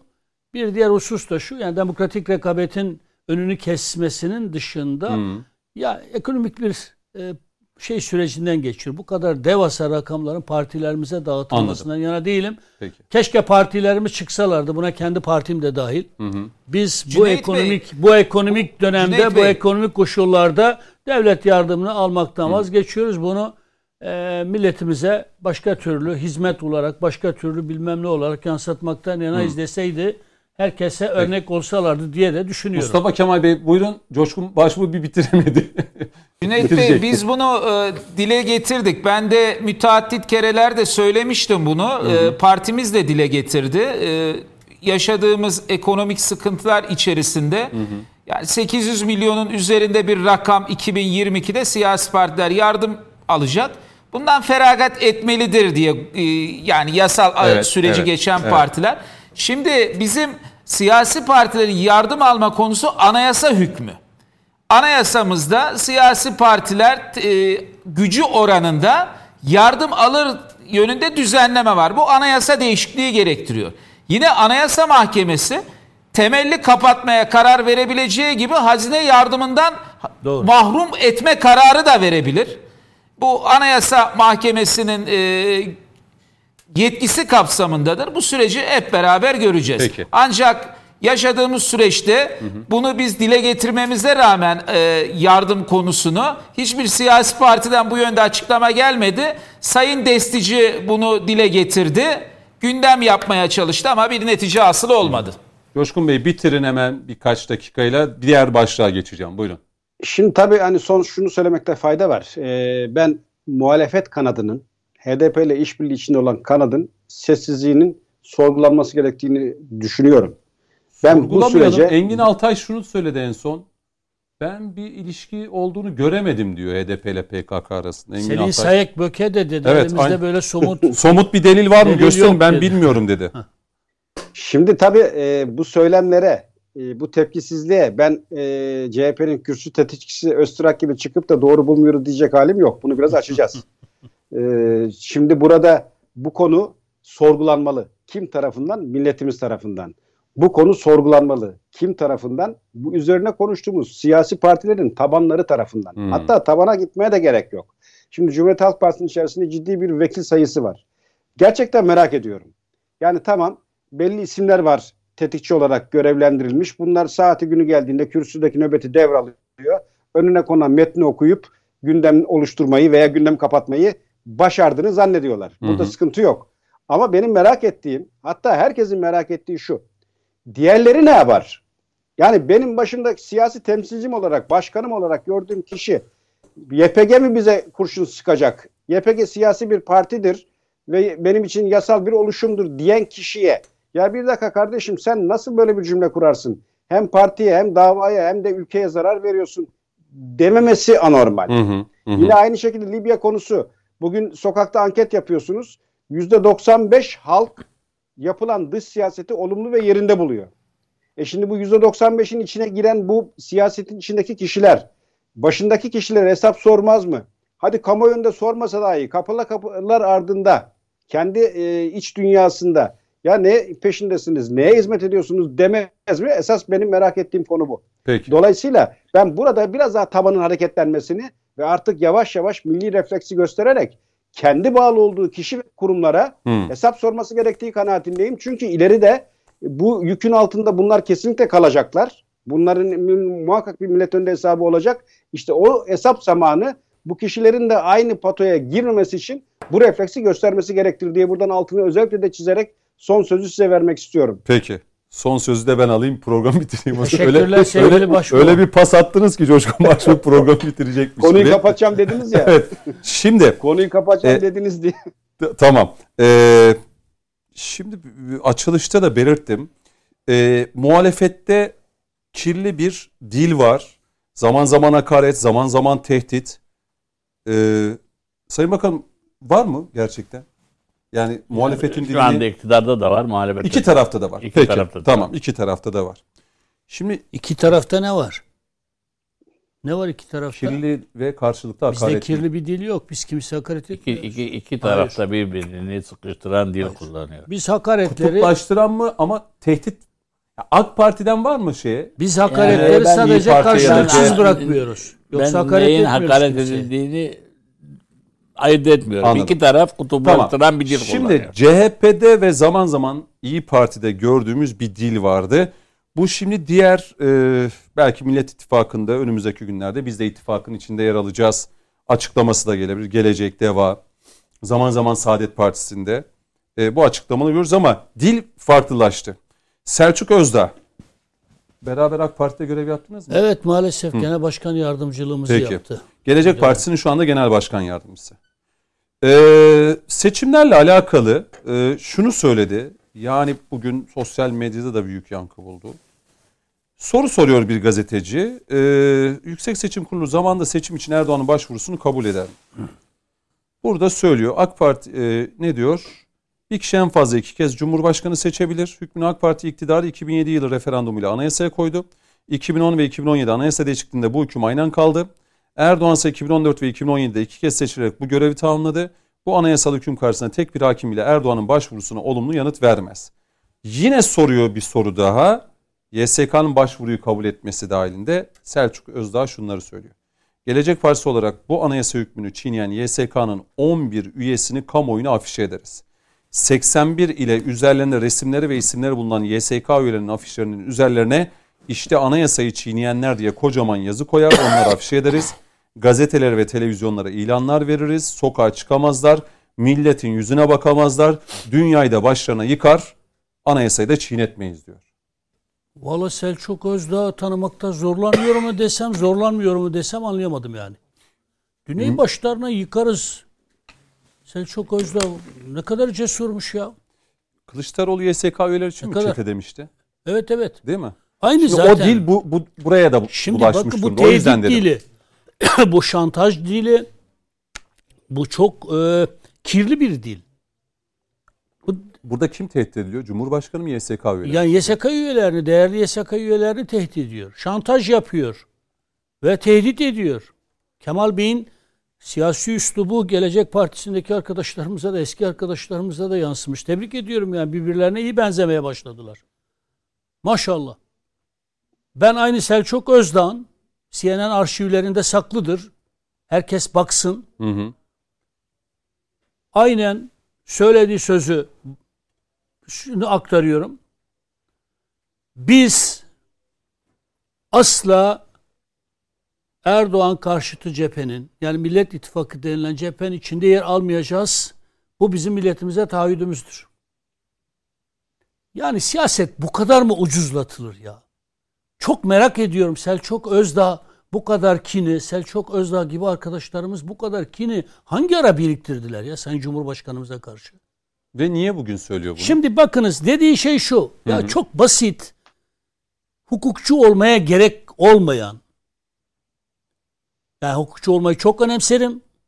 bir hukukçu var aramızda Mustafa Benim Kemal kızım Bey. benim kızım da soracağım. hukukçudur. Hı hı. Ama bir şey anlamak için, bir metni anlamak için hukukçu olmaya gerek yok ya. Ha, şu açıklamaya bakın. Şimdi bakınız. Evet.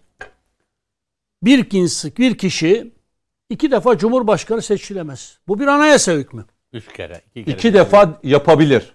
İki kere. İki dönem yapar, üçüncüsünü yapamaz. Üçüncüsünü yapamaz. Tamam yani iki kere yapabilir, üçüncüsünü yapamaz. Evet, düzeltiyorum.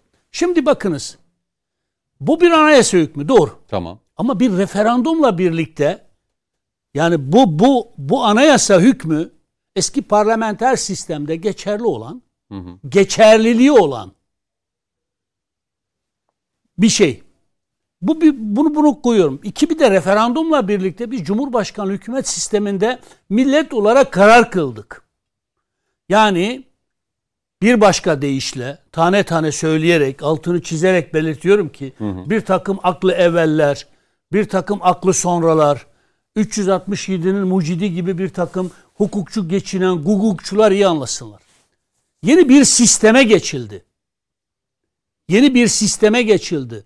Başkanlık sistemine geçildi. Adı e, başkanlık sistemi de olmazsa doğrudan halkın yürütme organını kendisinin belirlediği erki yürütme erkini kendisini bir sisteme geçtik.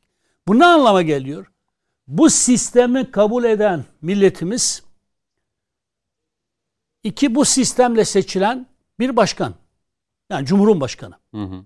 Bu şu anlama geliyor. Çok açık ya.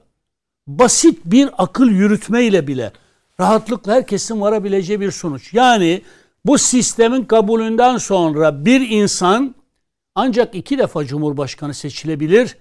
Üçüncü defa Cumhurbaşkanı seçilemez. Yani sistemin kabulüyle birlikte başlayan bir süreçtir bu. Sayın Cumhurbaşkanımız şu an birinci dönemini tamamlamak üzere. Hı hı. Dolayısıyla ikinci dönemde herkes gibi aday olmaya hakkı var.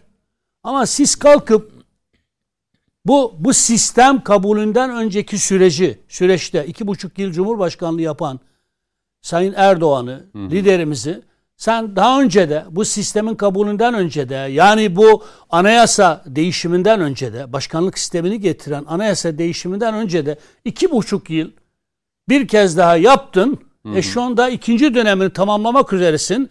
E bundan sonra sen üçüncü dönemde 2023'te aday olamazsın demek. Sabih Kanadoğlu'nun hı. 367 garabetinden bin kat daha garabet ve ondan bin kat daha da antidemokratik bir şeydir. Bir hukuk katliamıdır ya. Şimdi denilebilir ki bunu başka türlü savunan hukukçular da var, siyasetçiler de var. Diyelim ki bu iştihada açık bir konu olsun. Hmm. Yani yoruma açık bir konu olsun. Öyle diyen hukukçular var, böyle diyen hukukçular var. Peki din dini konularda da böyle düşünen din, dinler, dindarlar var, alimler var. Böyle düşünen dindarlar, alimler var. Hukukta da bu böyledir yani. Normlar farklı şekillerde yorumlanabilir. Peki takdir yetkisi kimdedir? Takdir yetkisi YSK'dadır. Herkes evet. aday olur. Kimin adaylığının geçerli olup olmadığını YSK üyeleri bütün bu mülahazaları masaya yatırarak. Orada yüksek yargıçlar var yani. Evet. Bütün bu mülahazaları, farklı iştihatları ortaya koyarak değerlendirirler ve bir karar verirler. Bu karar senin yorumuna uygun olmadığı için sen bunu anayasayı çiğnemekle itham eder. Öyle tehditler savurursan Gökko Bey başınıza yıkarız. Sizi her yerde afişe ederseniz derseniz bu sizin yaptığınıza siyaset denmez Selçuk Özdağ. Bu yaptığına siyaset demez. Bırak da bunu Kemal Bey söylesin. Hmm. Henüz Kemal Bey söylemeden senin çıkıp eski liderine karşında el pençe divan doğurduğun eski liderine bu kadar çok kindar bir siyaset izlemene gerek yok ya. Tamam sevme Erdoğan'ı anladık. Hı Sevmiyorsunuz. Tamam eleştir Erdoğan'ı tamam anladık eleştirin. Ama bu kadar kindarlığa gerek yok. Kendi din yorumunu, dinden anladığını hı hı. herkese din budur diye dayatan bir yobaz ne kadar gözümüzde kötüyse kendi hukuksal yorumunu işte hukuk budur, gayrısı anayasa hiç çiğnemektir diyen yobaz da eğer siyaset yapıyorsa siyaset hı hı. yobazı da aynen böyle biridir. Peki. Doğru değildir bu. Hı hı. Bu üslup siyaseti kirleten, demokrasiyi zehirleyen, toplumsal barışımızın köküne de e, kibrit suyu döken bir anlayıştır. Bunu Kemal Bey'den beklerdik ama, ama demek ki artık hmm. e, Selçuk Özdağ gibi eski arkadaşlarımızdan da e, beklememiz gerektiğini öğrenmiş evet. olduk. Masum Türker'e döneceğim. Aslında hukukçu Mustafa Kemal Çiçek de bekliyor ama. Şimdi şöyle Sizin, söyleyeyim. Siz aynı düşünüyor musunuz? Ee, düşünüyorsunuz? Ben, Hayır düşün. Sayın Selçuk Özdağ'ın açıklaması hukuk, Sayın Metinler'den hukuki farklı, çerçevede mi değerlendirilmeli? Sayın Metinler'den farklı düşünüyorum. Neden? Şu anda Türkiye'de bu şekilde sivil toplum örgütlerinde, odalarda, aklınıza gelebilen her yerde yapılmış yasal düzenlemelerde bu düzenleme geçmişe şamildir istisna maddesini yer almadıkça uygulanmamıştır. Ve kanun çıkarılırken Cumhurbaşkanlığı ile anayasa düzenleme yapılırken hı hı. böyle bir istisna yoktur. Bu konuda buna imaj veren bir istisna yoktur. Şimdi ben Sayın e, Gelecek Partisi e, Başkan Yardımcısının söylediğinden farklı bakıyorum. Böyle tercih ederek, memne yaparak yapılmaz. Hukuk, hukuk içinde çözülür. Bir de siyasi gelenekler içinde çözülür. Cumhurbaşkanı şu anda Türkiye'de en deneyimli siyasetçidir. Evet. Yani yaklaşık Sadece olarak... bence Türkiye'de değil, dünyada da öyle. Yok ben Türkiye için bakıyorum. Dünya bizi ilgilendirmiyor. Türkiye ilgilendiriyor. Türkiye'de Türkiye'de Türkiye'de Anladım. ilk ortaokul, lise, üniversite ve hatta yüksek lisans tahsili yapsanız toplamı kadar ilkokulu çıkartın ortaokuldan Doğru. sonra toplamı kadar başbakanlık yapmıştır. Bir o kadarın yarısı kadar da cumhurbaşkanlığı yapmıştır. Hı hı. Dolayısıyla bizlerin yorum yaparak, hukuk bakarak, kitap karıştırarak, kanunlar ruhunu yazmaya çalışarak vermek istediklerimiz yaşayarak gelmiştir. Ve sokaktan gelen bir politikacı. Hı hı. Yani ezber bozan bir politikacıdır. Sokaktan gelen politikacı demek herkesin kurallara, şeylere beklerken aniden bir manevrayla Hı hı. sokak alışkanlığı yani sokaktan kastım kötü manasında Anladım. değil. Sürekli eylem olarak yaşayan kişidir politik hareket. İlçe başkanlığı seçimleri, il başkanlığı, itirazlar, ülke bazında mücadele vesaire. Cumhurbaşkanı bir de dünyaya kafa tutan, şimdi dünya önemli, dünyaya kafa tutan bir kimliğe bölünmüştür. Evet. Yani başlangıçta böyle bir kimliği yoktu ama şimdi kendisi çıkıp beşten büyüktür dünya Dünya, evet. diyen birkaç dünya politikacısından birisi. Hı hı. Bu nedenle attığı her adımda şu anda bile dikkat edin kendisini dünya arenasında sorgulanır, tartışılır hale getirmek getirecek hiçbir eylemin içinde yer almak. Hatta buna ait benzer bir olay olursa o tür açıklamayı, o tür kafa tutmayı bazen kendi yapmıyor. Yardımcılarından birisi yapıyor. Bakanlardan birisi yapıyor. Cumhurbaşkanı o hatayı yapmıyor. Şimdi Cumhurbaşkanı ne derseniz deyin benim deneyimim ve hukuk bilgim ve okuduğumu anlamamla kadar o da anlıyor. Biliyor ki eğer seçim zamanında yapılırsa Tayyip Erdoğan tartışması başlayacak. Tayyip Erdoğan tartışması başlayacağını bildiği için şu saate kadar Cumhurbaşkanı ben adayım dememiştir. Zaten bu Gelecek Partisi açıklamasını Cumhurbaşkanı bu açıklamaya zorlayıp Türkiye'de böyle bir tartışma yolu açılmayı hedefleyen bir açıklamadır. Sayın Özdağ'ın açıklaması. Yoksa böyle kafa tutarak bilmem ne yaparak yapacak Parti değilse- sözcümüz defalarca Tabii, hayır, Cumhurbaşkanımızın aday olduğunu açıkladı. Hayır hayır. Bahçeli Aday- açıkladı. Bahçeli açıklıyor. Bahçeli. Parti sözcümüz Ömer Çelik Bey de ya defalarca açıklar açıkladı. kendisi açıklamıyor. Kendisi Ben niye açıklasın? Parti sözcümüz var yani. Metiner, bak, Biz de onu yayın bir laf tartıştık söylüyorum. yani. Diyorum ki size Sayın Recep Tayyip Erdoğan şu anda Türkiye'deki neyi ne zaman söyleyeceğini, ne zaman reddedilip edilmeyeceğini en iyi hesap eden E, tabii ki. kişidir. Tecrübeli bir Dolayısıyla Ama sizce siz e, siyasette önemli görevler üstlendiniz. Bir parti sözcüsü, parti genel başkanının onayını almadan onun adaylığını Ya açıklayabilir açıklar, mi? O açıklar ama Cumhurbaşkanı Yapma. açıklamaz. Tartışma açlatmıyor. Çok bakın bu şeyi şöyle söylerim Metiner. Ben olaya niye yapıldı, niye bu söylendi, söylenmemesi gereken hele bir şey olduğu zaman Ama kimse Bakalım. kendi adına ben Cumhurbaşkanı. Ya Abdullah Gül bile aday gösterilirken bunu Sayın Efendim, Cumhurbaşkanı Başbakan olduğu önünde adayımız Cumhurbaşkanı yani. Abd- şey e, Abdullah Gül'dür dedi. Kayseri milletvekilimiz. demez zaten. Resmi aday gösterme sürecine gelmedik. Ama şu an Meral Akşener de diyemiyor. Ee, Hiçbiri şey, tamam işte demez işte. Onun için Tamam. demediği için ben de diyorum ki günü geldiği zaman Hı. Sayın Cumhurbaşkanı aday olma yöntemi var. Kanunda vermiş ona yine anayasa. Tamam. Demiş ki eğer meclis kendini feshederse Cumhurbaşkanı iki kere değil beş kere bile Cumhurbaşkanlığı yapmışsa tekrar aday olabilir. Yani erken seçim kararı alıp meclise Erken feshet. seçim kararı değil. Meclis Kendini kendini feshederse. feshederse. Ha, meclis kendini E- feshederse. e- erken seçim kararı alınırsa Cumhurbaşkanı düşmüyor. Tamam. Yani böyle bir şeyi Meclis kendini feshederse- o zaman Cumhurbaşkanı kaç kere yapmışsa yapsın aday olabilir. Hmm. Şimdi bu nedenle bakın E, Sizin bu söylediğinize göre ne olacak? Siz şey Cumhurbaşkanlığı seçimi ki. büyük ihtimalle Eylül ayından sonraki bir tarihte olacak. Ama hangi tarihte olduğunu bilmem. Nasıl olacak? Mayıs'ta olabilir. Şey de olabilir. Muhalefetle birlikte mutabakata girecekler ve meclis fesh olacak. Meclisi de tek başına Cumhur İttifakı feshedemiyor. 360 Ay niye muhalefet buna evet ihtiyacı- desin? Hiçbir taviz kalmadı. Hayır niye hayır evet var desin? var der. Hani- Şu anda muhalefeti bakın bu hale getirmek için çok güzel politika uygulanıyor. İkide bir muhalefeti erken seçime davet ediyorlar. Ama ne zaman Kim davet ediyor? Evet. Cumhurbaşkanı altyapıyı hazırlıyor ki muhalefet her şey kötü fırsat bu fırsat diye söyletiyor. Yarın öbür gün ben hayır yokum derse ya niye kaçtın diyecek. Bakın ben de bir şey söyleyeyim. Şu anda Cumhurbaşkanı siyasetin bütün şeylerin en iyi güzel yönlendiren, oluşturan bir kişilik. Yani böyle bazıları ne olacak işte bir sıkıştıralım hukukla filan ya da böyle şeyle sıkıştıramazsın. Bakın. Ummadığınız bir anda bir çıkış yapıyor. Şimdi ama o zaman meşruiyet tartışması dünyada başlamasın diye Cumhurbaşkanı her tedbiri alır.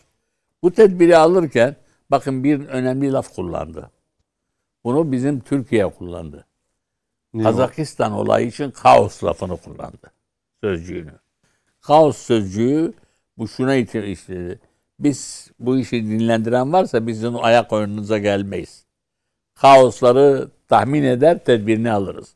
Yani bazı şeyleri bazen söylenirken bir de neyi ifade ettiğini genel bakmak lazım. Şimdi Cumhurbaşkanımız bunu biliyor bir kere. Ben Yani siz muhalefetle anlaşıp muhalefetle anlaşmadan zaten seçime gidemiyor. tamam. Gidecekler. Ya böyle bir Ama- şey olabileceğini E, niye olmaz? Siz, siz Cumhurbaşkanı kendisi misiniz değilsiniz. Biz şu anda yorum yapıyoruz. Bakın. Siz Sayın de Yener diyor ki. Hayır, hayır ama hukuki anlamda her şey net diyor. hayır yani net değil. Bak, parlamenter sistemde Cumhurbaşkanı bakın, vardı, bakın, net başbakan değil, vardı. Net, net değil. Net olsa bugüne kadarki bütün Hayır, siz Cumhurbaşkanı böyle yapacağını nereden Bunun çıkartıyorsunuz? tartışması yapılırdı. Yaptırılmıyor. Ben de çok iyi takip Sayın Metin ederim. bir soru yöneltti. Evet. Ha, siz nereden biliyorsunuz Cumhurbaşkanımızın bütün bunları hesapladığını, şimdi böyle planladığını? Ah, planladığı değil. Tedbiri çok güzel alır. Alır, doğrudur da. bakın Ama ben bir şey söylüyorum. Ben Sayın Cumhurbaşkanı tarafı- çok tecrübeli. Onun, onun Eyvallah, bütün gözüyle onlara katılıyorum. Bakın, ben yerinde olsam onun gözüyle bu tecrübe Bu siyasi tartışmalara meşruiyetine zarar gelmemesi adına diyecek hadi Odri Meydan seçime gidelim. Dediği anda gidecekler. Ama ne zaman denecek? Bunun bir özelliği var bu erken seçim kararına. Tarihi belirleyemiyorsun. Meclisin kendini feshettiği günden 60 gün sonra seçimin yapılması lazım. meclis kendini feshettiği için Cumhurbaşkanı da süresi dolmadığı olmadığı için için bir sonraki seçimde bir aday yani- olabilir. Aday olabilir. Yani Tabii hukuki zemine oturmuş olur. O zaman- oturmuş olur. Problem Masum abi şunu söylüyor. Muhalefetimiz e, Sayın Cumhurbaşkanımızın aday olmasını istiyor. İstiyorsa evet diyecek. Ne demek istiyorsa? Ya muhalefet şimdi E, onu da söyle bari. Bakın, bakın. İstiyor mu istemiyor mu? Bakın, istiyor mu istemiyor değil. Eğer Cumhurbaşkanı bakınız. o duruma düşürecek. Bak bu açıklamaların bu meşruiyet tartışmasını bile kaldırmak Masum abi. için ben size dedim gelin feshedelim. Masum abi Siz benden koştunuz. bu kalktınız. açıklamaların meşruiyet tartışmasının bir tek sebebi var. 2023'te Sayın Cumhurbaşkanı'na yenileceklerini, açık ara farklı yenileceklerini çok iyi görüyorlar. Şimdiden meşruiyet tartışması açıyorlar. Sen de şimdi diyorsun ki hem Cumhurbaşkanı yenileceklerini en güçlü rakip olarak Açamazlar şimdi. Neden hem de açamazlar hem biliyor de musun? Muhalefetle bir destek politika vererek bir hazırlamış dakika. ki- Muhalefetle destek Ama AK vererek Parti, meclisin AK Parti öylesine bir politika gidiyor bir ki dakika. gelemezler. Masum abi senin Ama mantık Masum Türkiye söyledikleri şey de değil yani. Bak, hani bak. biz ben de çok düşünüyorum şu Bak, anda. Hani bak diyorum ki Olmayacak öyle bir şey mi siyaseten? Ki, şu anda her yerde Millet İttifakı'nı adayını gösterler uğraştırıyor. Adayın kimdir? Sen adayını söyle. Herkes ona kapatır. Evet. Zaten bu soru olmasa buna dönecekler. Ama ben bir şey söyleyeyim. Yani bir kötü niyetle söylemiyorum. Ben buradaki tarih yazacak. İleride belki diyecekler ki bizim için ya Mazlum Türker bu işi görmüştü.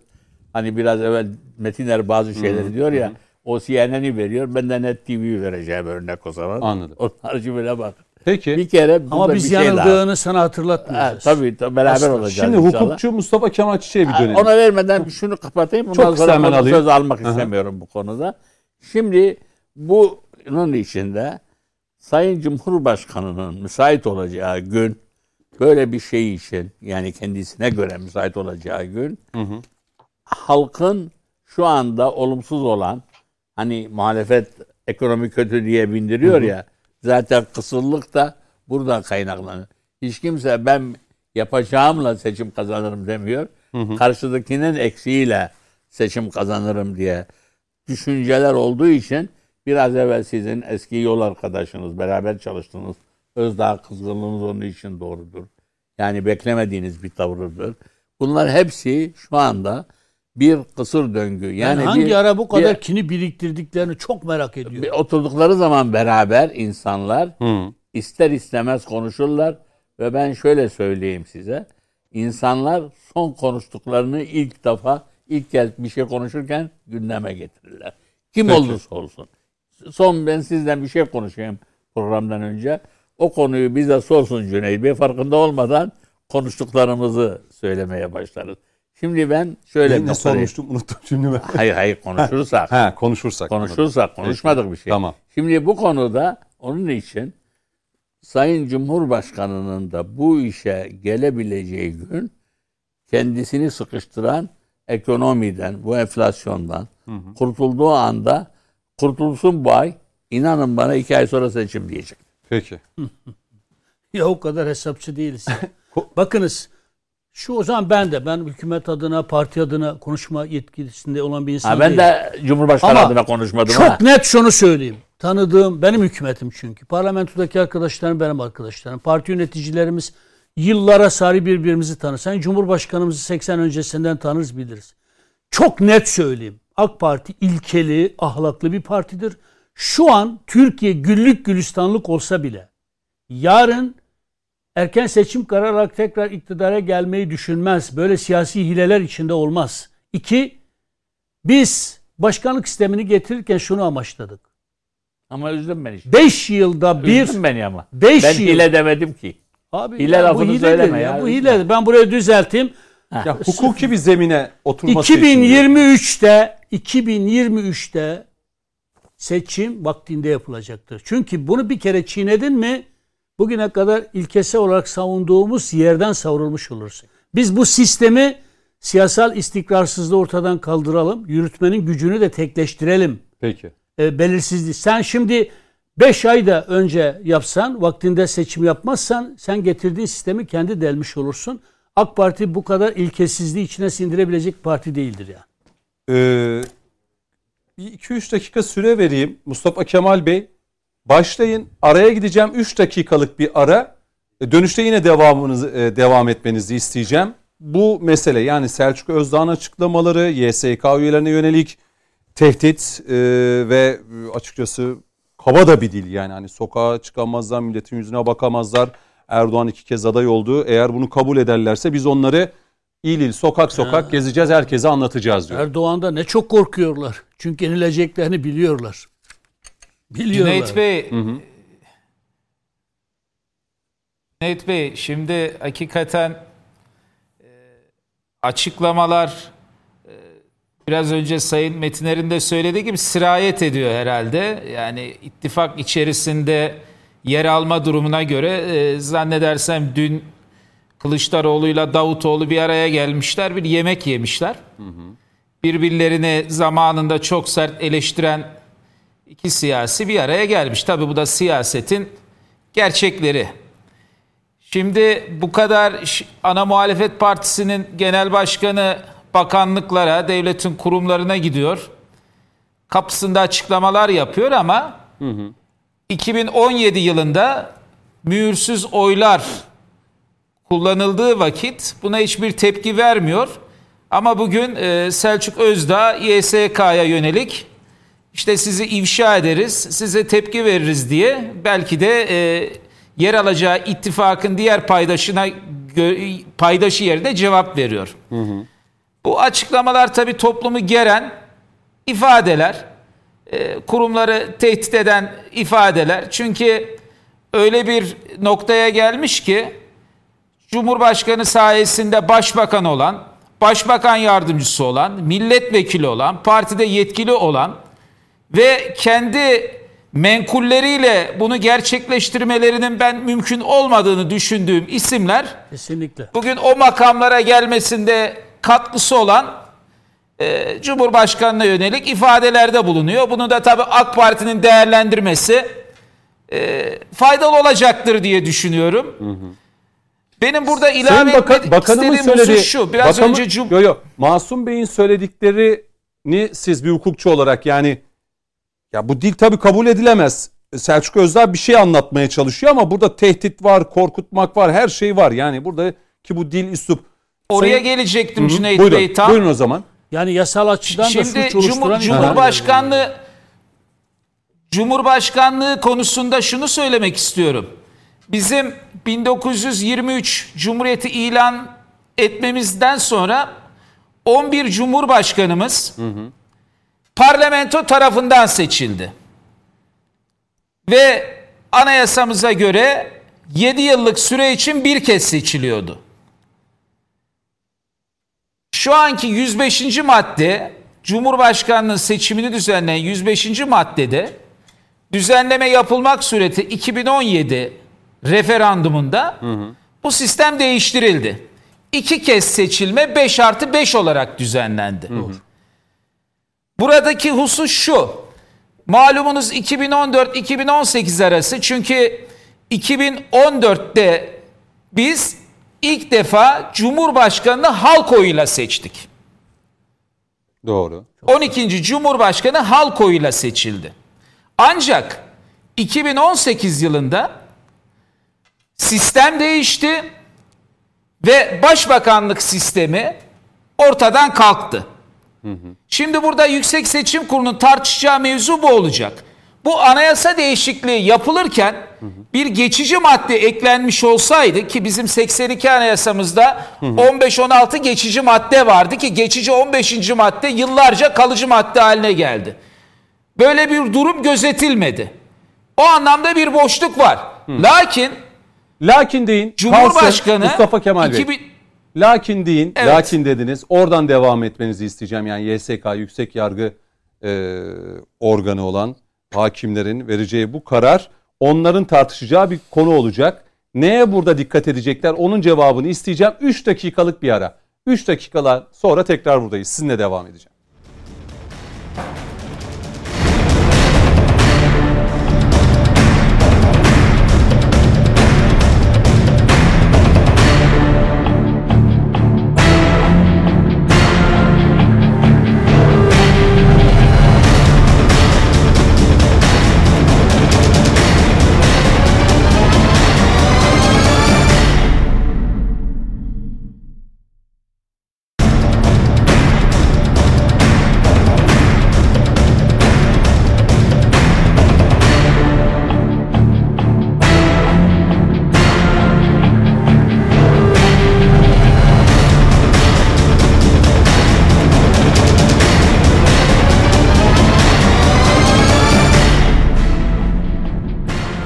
Efendim konuşmak lazımın son bölümündeyiz. Ee, süreyi de iyi kullanarak birkaç konu başlığım daha var. Ee, yaklaşık şöyle bir bakalım 35 dakikalık bir zamanım var.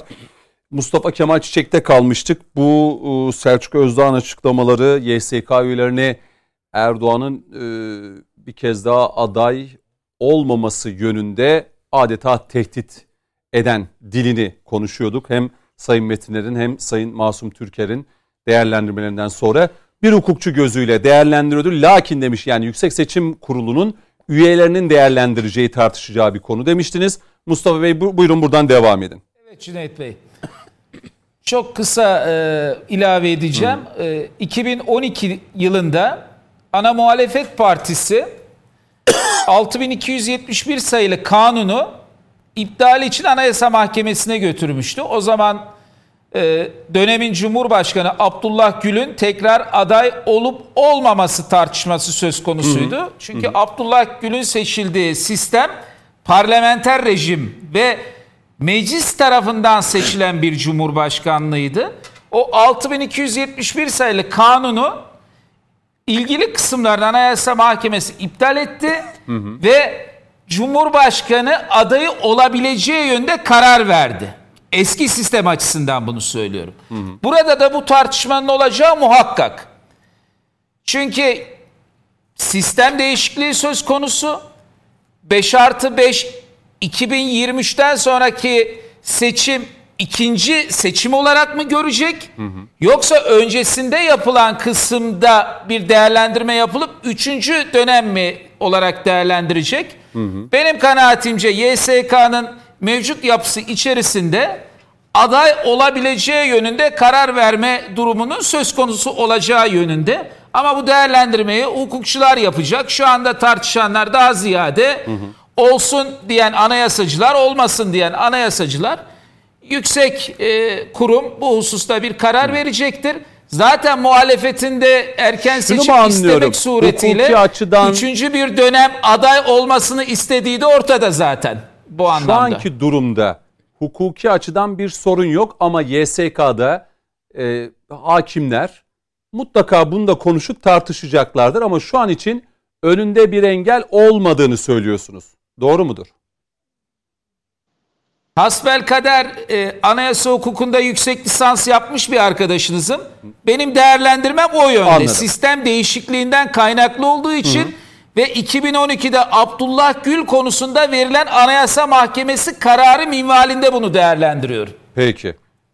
Ee, Coşkun Başbuğ'a döneceğim. Bu konudaki görüşleri nedir? Yani Selçuk Özdağ'ın bu çıkışı e, Sayın Metiner dedi ki ya bu kadar hani yanında ne dediniz? Nasıl dediniz Sayın Metiner? Bu kadar öfkeyi hangi ara biriktirdiniz ya Erdoğan'a karşı? Ve daha seçime ki bu arada Eylül demiştiniz. Ee, Sayın Kılıçdaroğlu Eylül ayını işaret etti. Hani 2022'nin Eylül ayında seçim bekliyoruz diye erken seçim. Sayın Bahçeli grup toplantısında bir kez daha 2023 Haziran dedi. Biz neyi tartışıyoruz hala? Tartışıyoruz tabii ki. Ee, Coşkun Başbuğ'a sözü vereyim. Buyurun Coşkun Bey. Şimdi tabii e, Mehmet abinin ifade ettiği konu önemli. Yani bu kadar kin ne zaman ve ne ara birikti. Hı hı. Ama ben tabii e, o konuya şöyle bir başlık açmak isterim. Selçuk Özdağ, yani hiçbir zaman birlikte olmadık veya bir siyaseten tanıdığım bir kişi değil ama e, acaba AK Parti dönemindeki Selçuk Özdağ mı gerçek Selçuk Özdağ yoksa şu anki takındığı tavra göre konumlandırdığımız Selçuk Özdağ mı gerçek Selçuk Özdağ? İşte bu açıdan baktığınızda hani ben o ilk bölümde yapmış olduğum konuşmanın tezahür ettiği bir süreç olarak görüyorum yaşananları. Yani maskelerin düştüğü, gerçek kimliklerin ortaya çıktığı ve sahnelendiği bir süreç. Keza sadece Selçuk Özdağ değil. Daha AK Parti'de e, Mehmet abinin ifade ettiği gibi el pençe duran, Cumhurbaşkanı'nın ağzına bakan ne söyleyecek, nasıl yorumlayacağız diye Hı hı. e, olan birçok kişinin bugün en e, muhalefette en e, canhıraş saldıran kişiler olduğunu görüyorsunuz. İşte bu e, üzerine konuştuğumuz partinin başındaki kişi Ali Babacan. Yine e, Davutoğlu gibi e, kimliklerin e, yani muhalefetin en önde gelen isimler olduğunu görüyorsunuz. Sevgili Coşkun şuna söyleyerek devam eder misin? Selçuk Özdağ şunu hatırlatalım. Madem ki Erdoğan bu kadar kötüydü, madem ki AK Parti bu kadar kötüydü, niye son yerel seçimlerde dahi Manisa'dan Büyükşehir Belediye Başkanı olmak istedin AK Parti'den? Niye istedin kardeşim? Niye? Sana verilseydi, seçilseydi bugün Erdoğan'ın karşısında farklı duracaktın. El pençe divan duracaktın. AK Parti'nin Büyükşehir Belediye Başkanı olacaktın. Eğer ilke siyaseti dedikleri şey buysa yazık. Siyasetin düşürüldüğü hale yazık yani. Ne diyeyim başka? İşte ben yani e, Mehmet abinin ifade ettiği gibi daha böyle verilecek çok örnekler var ama ben hep e, benim gördüğüm şu e, üç değerli siyasetçinin yanında ben konuşmak düşmez ama e, şu an yapılanın ben siyaset olmadığı kanaatindeyim bazı isimler tarafından ki e, hani hep söyledik nasıl o beş benzemez bir araya geldi diye e, bu söylem birliğinin bu eylem birliğinin ben bir takım e, odaklar tarafından dikte ettirildiği, organize edildiği kanaatindeyim. Hı hı. E, zira hani evvelden yaşanmış örneklerde de işte adaylık konusu hep e, tartışılıyor. Kim muhalefetin adayı olur ve nasıl bir tablo ortaya çıkar diye. Ben burada da yine e, zamanında AK Parti içerisinde aktif rol alan ama bugün muhalefetin başını çeken isimlerin e, bu adaylık konusunda öne çıkacağı kanaatindeyim. Ha bu e, Sayın Bakan'ın ifade ettiği gibi e, bir siyasi atraksiyon mu e, yaşanır yoksa AK Parti özellikle de Sayın Erdoğan o verdiği sözde durup da seçimi tarihinde mi yaptırır konusunda ben AK Parti'nin o e, siyasi duruşunu bozmayacağını ve seçimin taahhüt edildiği gibi çok ekstra bir gelişme olmazsa çok e, hani olağanüstü bir şey yaşanmazsa vaktinde ve zamanda yapılacağı kanaatindeyim. Yüksek Seçim Kurulu'nun alacağı karar şüphesiz önemli. Hukuk devletiyiz. Ama ben Cumhurbaşkanı'nın ikinci defa adaylık e, konusunda da e, sürecin işlediğini ve aday olmasında normal bir süreç olacağını düşünüyorum. Zira çıkarıldıktan sonraki döneme bakmak lazım. Yani geriye doğru işletilir mi? Mustafa e, Kemal kardeşim çok daha iyi bilecektir.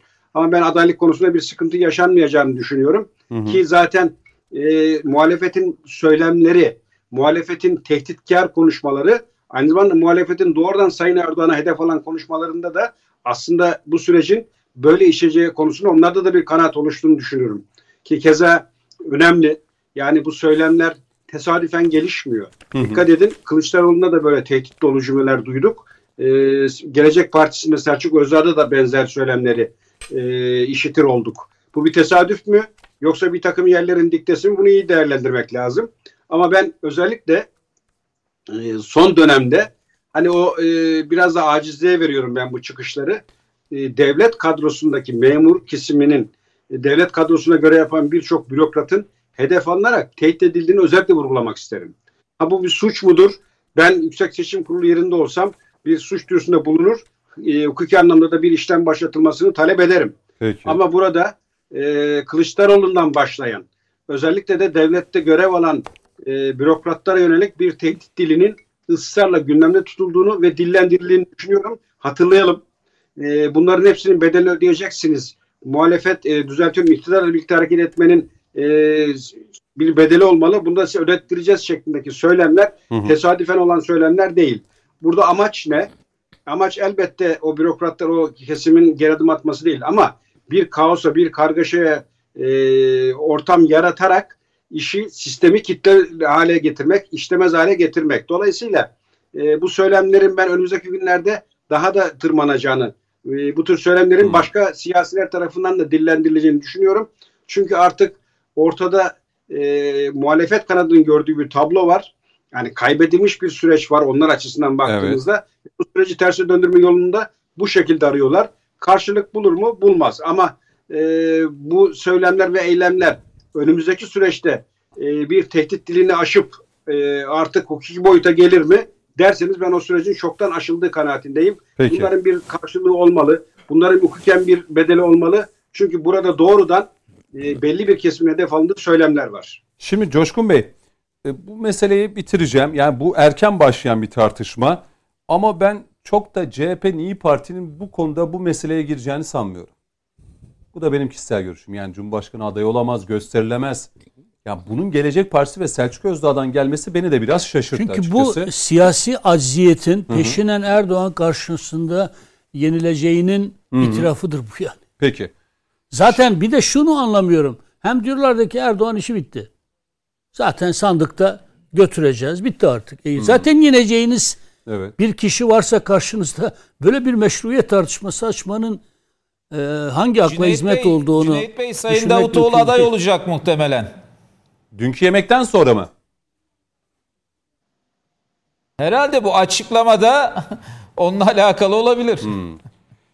Şimdi bu meseleyi kapatıyorum. Ee, Enes Kara. Hepiniz duydunuz herhalde Sayın Bakanım. Sayın Allah rahmet eylesin. Mekanı cennet olsun. bir tıp öğrencisi kardeşimiz.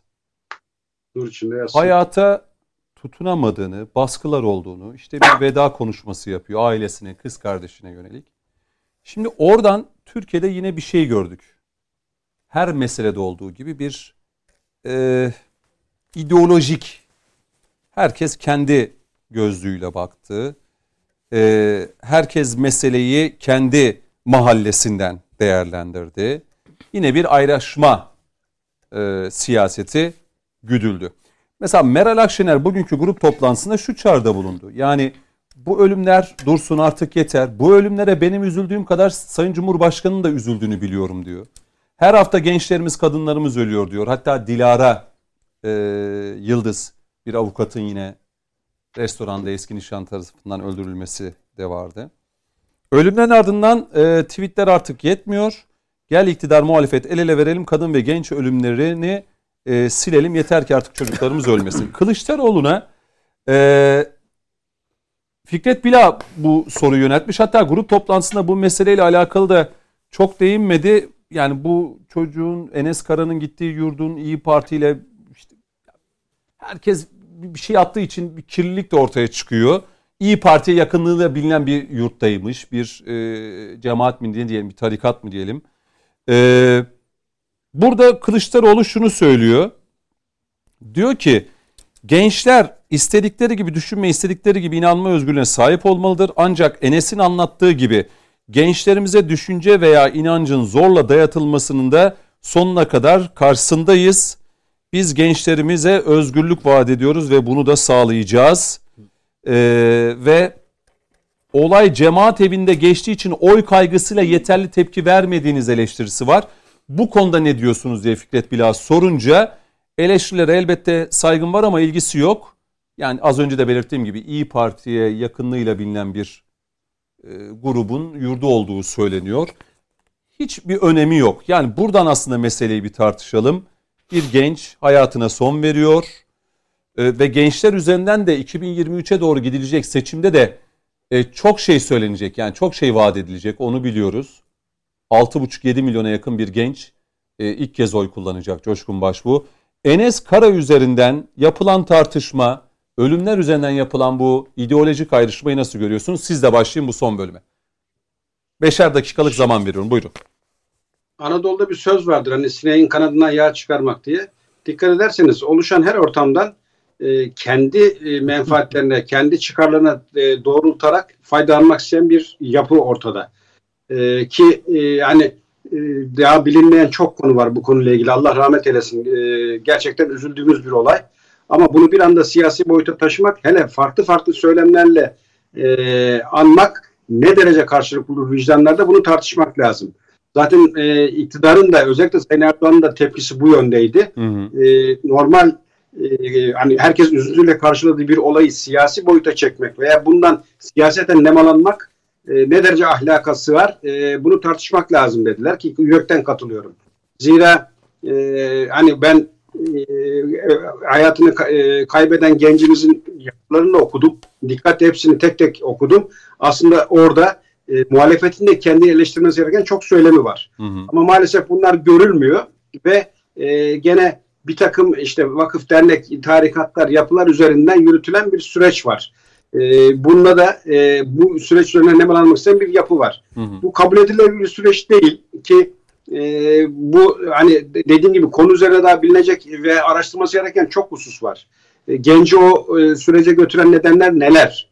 E, ki ben hani e, yaptığı o e, geride bıraktığı mektupta okuduğum birkaç söylem var. E, işte gelecek kaygısının olduğu, e, Türkiye'de gençlerin önünün kapandığı, yurt dışına gitmek zorunda kalındığı gibi hı hı. bir takım söylemler. E bunlar hep muhalefetin söylemleri. Aslında Türkiye'de bir fırsatlar ülkesi. E, ben beyin göçünün terse döneceği sürecin yakın olduğu kanaatindeyim. E, bugün o Teknofest Gençliği Cumhurbaşkanı'nın açtığı konu zaten işte bu alanın öncüsü. Ama buna rağmen muhalefet kanadı ısrarla işte ülkede yaşanmaz, ülkede bir gençlik sorunu var, ülkede bir gelecek sorunu var, ülkede bir e, iş sorunu var gibi başlıklarla konuyu çok farklı yerlere getirdiler. İşte bu durumda bu okunan cümleler Konu karşısında hem oraya gitti hem de yine bir kez daha cemaat ve tarikatlar üzerinden yani çok şey gördüm ben yani iki gündür Türkiye'de derhal hepsi bütün hepsi kapatılmalıdır diye e, tweetler atılıyor. İşte o az önce vurguladığımız Hatta şu. Yani... küçük yaşta çocuklara verilecek din eğitiminin çocuk istismarı olduğunu söyleyen hukukçular da var. İşte onu e, söyleyenlerin maksatlı ve yanlış söylemlerine ben şöyle bir cevap vereyim. E, bu gencimizin geride bıraktığı mektubu okurlarsa hı hı. E, bir o anlamda da boşluğun içine düştüğü ve bunun arayışı içerisinde de bir takım psikolojik sorunlar yaşadığını çok rahat görebilirler. Hı hı. Hani bizim Anadolu'da bir söz vardır ki geçtiğimiz günlerde gene Cumhuriyet Halk Partisi'nin e, dini eğitim üzerinden yürüttüğü bir süreç vardı. Evet. Orada da gene hep vurguladığımız husus şuydu. Ağaç yaşken eğilir. Yani siz genç yaşta bu eğitimleri vermez, e, belli bir olgunlukla nesli yetiştirmezseniz işte bu tür sorunlarla karşılaşırsınız. Peki. Ki e, bugün hani az önce açtığım başlık oydu. Hı hı. Israrla gençlere e, gelecekle ilgili kaygılı, endişeli bir süreç muhalefet kanat tarafından argo tabirle pompalandı.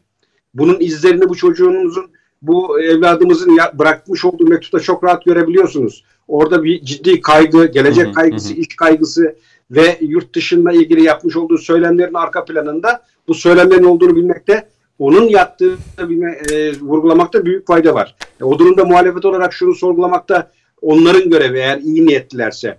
E, biz bu tür söylemlerle bu gençliğin içine düştüğü tam da karakterin oluşma olduğu dönemde bu sürece katkımız oldu mu olmadı mı bunu sorgulamak lazım demeleri lazım. Fakat bunu yapmak yerine doğrudan iktidar hedef alan ve kendince e, nemalanmak için bir takım alanlar açmaya çalışan bir yapı ortaya çıktı. E, tenkit ve eleştiri bu yönde. Hı hı. E, bu nedenle evet hani yurtlar konusu gündemde işte gençlerin Hı hı. nasıl e, yürütecek ki ben başından sonra hep fikrim odur. E, bu tür hizmetler devlet tarafından verilmeli. Yurtlar tamamen devlet kontrolünde olmalı ve o hizmet yani eğitim, sağlık gibi konularda devlet üstüne düşeni yapmalı. Peki. Ama e, süreci tutup da çok farklı yerlere getirmek, şu anki mevcutları farklı yorumlamak e, siyaseten ben art niyetli olarak e, gördüğümü özellikle vurgulamak isterim. Peki. Hemen Mustafa Kemal Çiçek'e döneyim. Yani Enes Kara üzerinden gençler, cemaatler, tarikatlar, yurtlar bir kez daha tartışılmaya e, başlandı.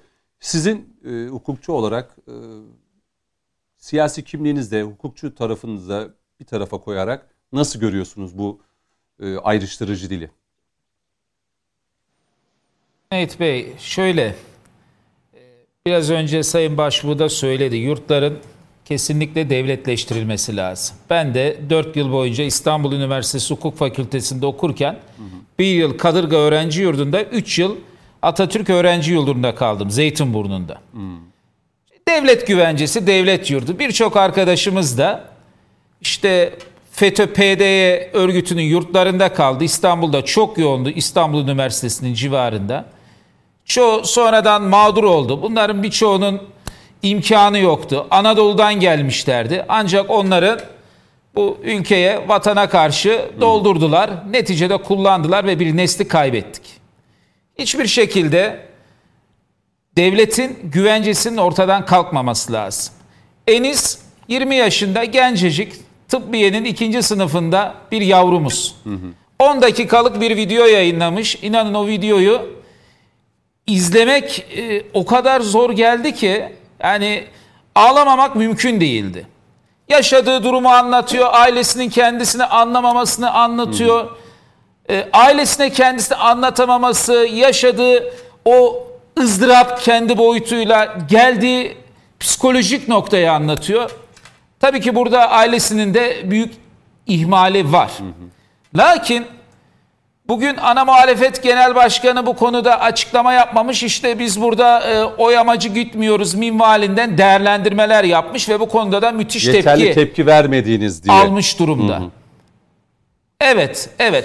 E, çünkü kendi gençlik kolları e, Kocaeli, Kartepe gençlik kollarından bir genç kardeşimiz de intihar ettiği zaman hiçbir tepki vermemişti.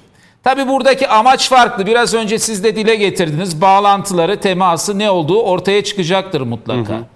Ancak burada bizim partimiz programında da açık olarak belirttiğimiz üzere yoksul çocuk ve gençlerimizi tarikat ve cemaat yurtlarına teslim etmeyeceğimizi, bunların tamamen devlet güvencesinde olacağını ortaya koymuş durumdayız.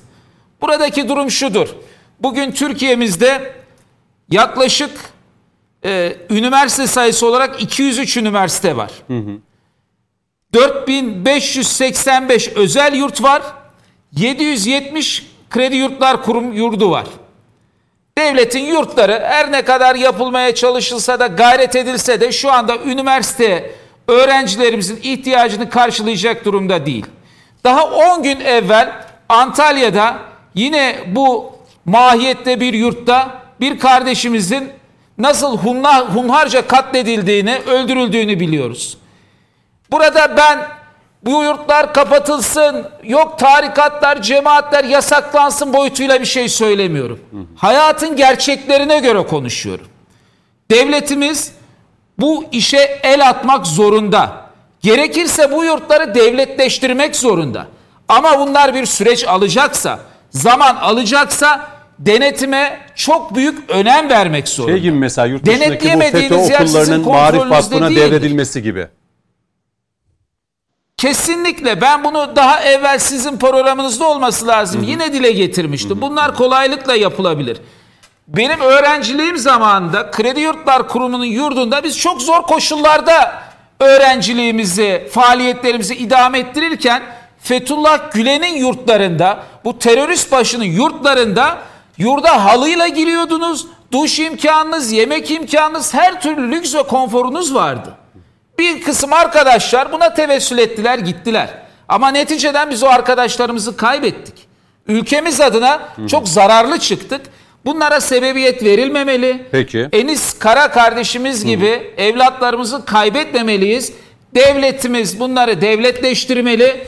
Buna imkan kısa vadede yoksa da bunların tamamı sıkı denetim ve kontrol altına alınmalıdır diye düşünüyorum Cüneyt Bey. Sayın Metiner yani e, genel Sayın Başbuğ'da, Sayın Çiçek'te Şimdi yeryüzünün bunların tamamıyla devletleştirilmesi Bakınız, lazım. Yeryüzünün hiçbir e, ülkesinde bütün öğrenciler için yurt açan bir ülke gösteremezsiniz. Böyle bir ülke yok. Hı hı. Çok hayali şeyler konuşuyoruz bazen. Sanki mesela Avrupa'ya gittiğinizde var ya hemen bütün öğrenciler için hazırlanmış yurtlar var. Her şey devletin kontrolünde. Yok böyle bir şey. İki, bu özel yurtlarda Yurtlar. da devletin denetimi var. Hı hı. Devletin denetimi. Hiç kimse yasanın dışında değil.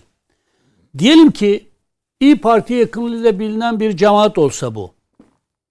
Oradaki müessif bir olaydan dolayı biz o cemaatin de o İyi Parti'nin de kapatılması gerektiğini mi savunacağız yani?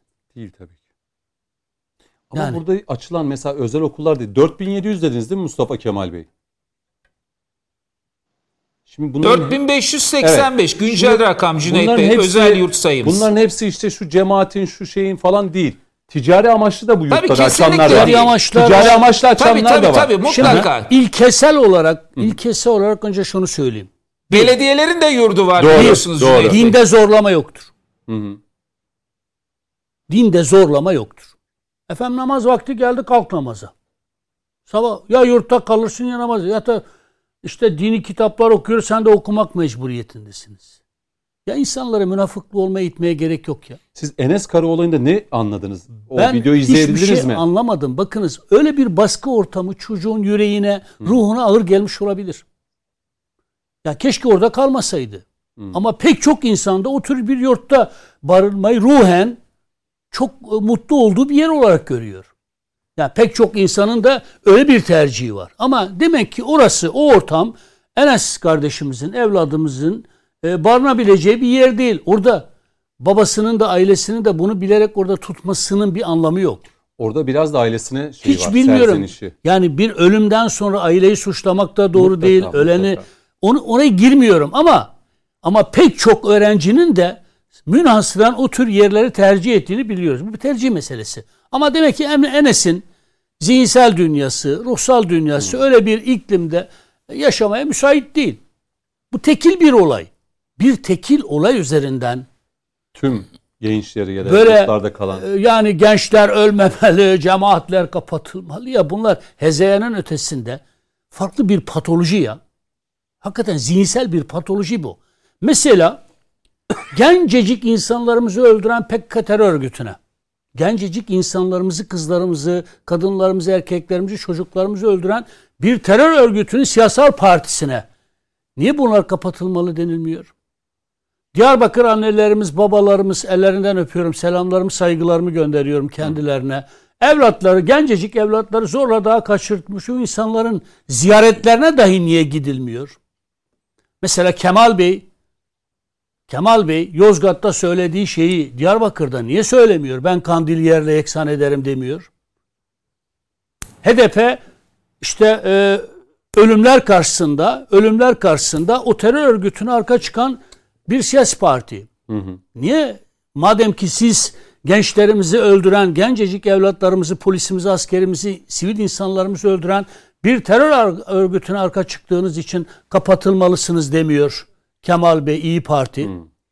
Devlet bu işi cemaatlere bırakmamalı diyor. Yahu Yani 60'lı yılların sonlarından itibaren zaten devletin yurtlarıyla bu tür dini cemaatlerin yurtları ola gelmiştir. Bu AK Parti dönemine özgü bir şey değil.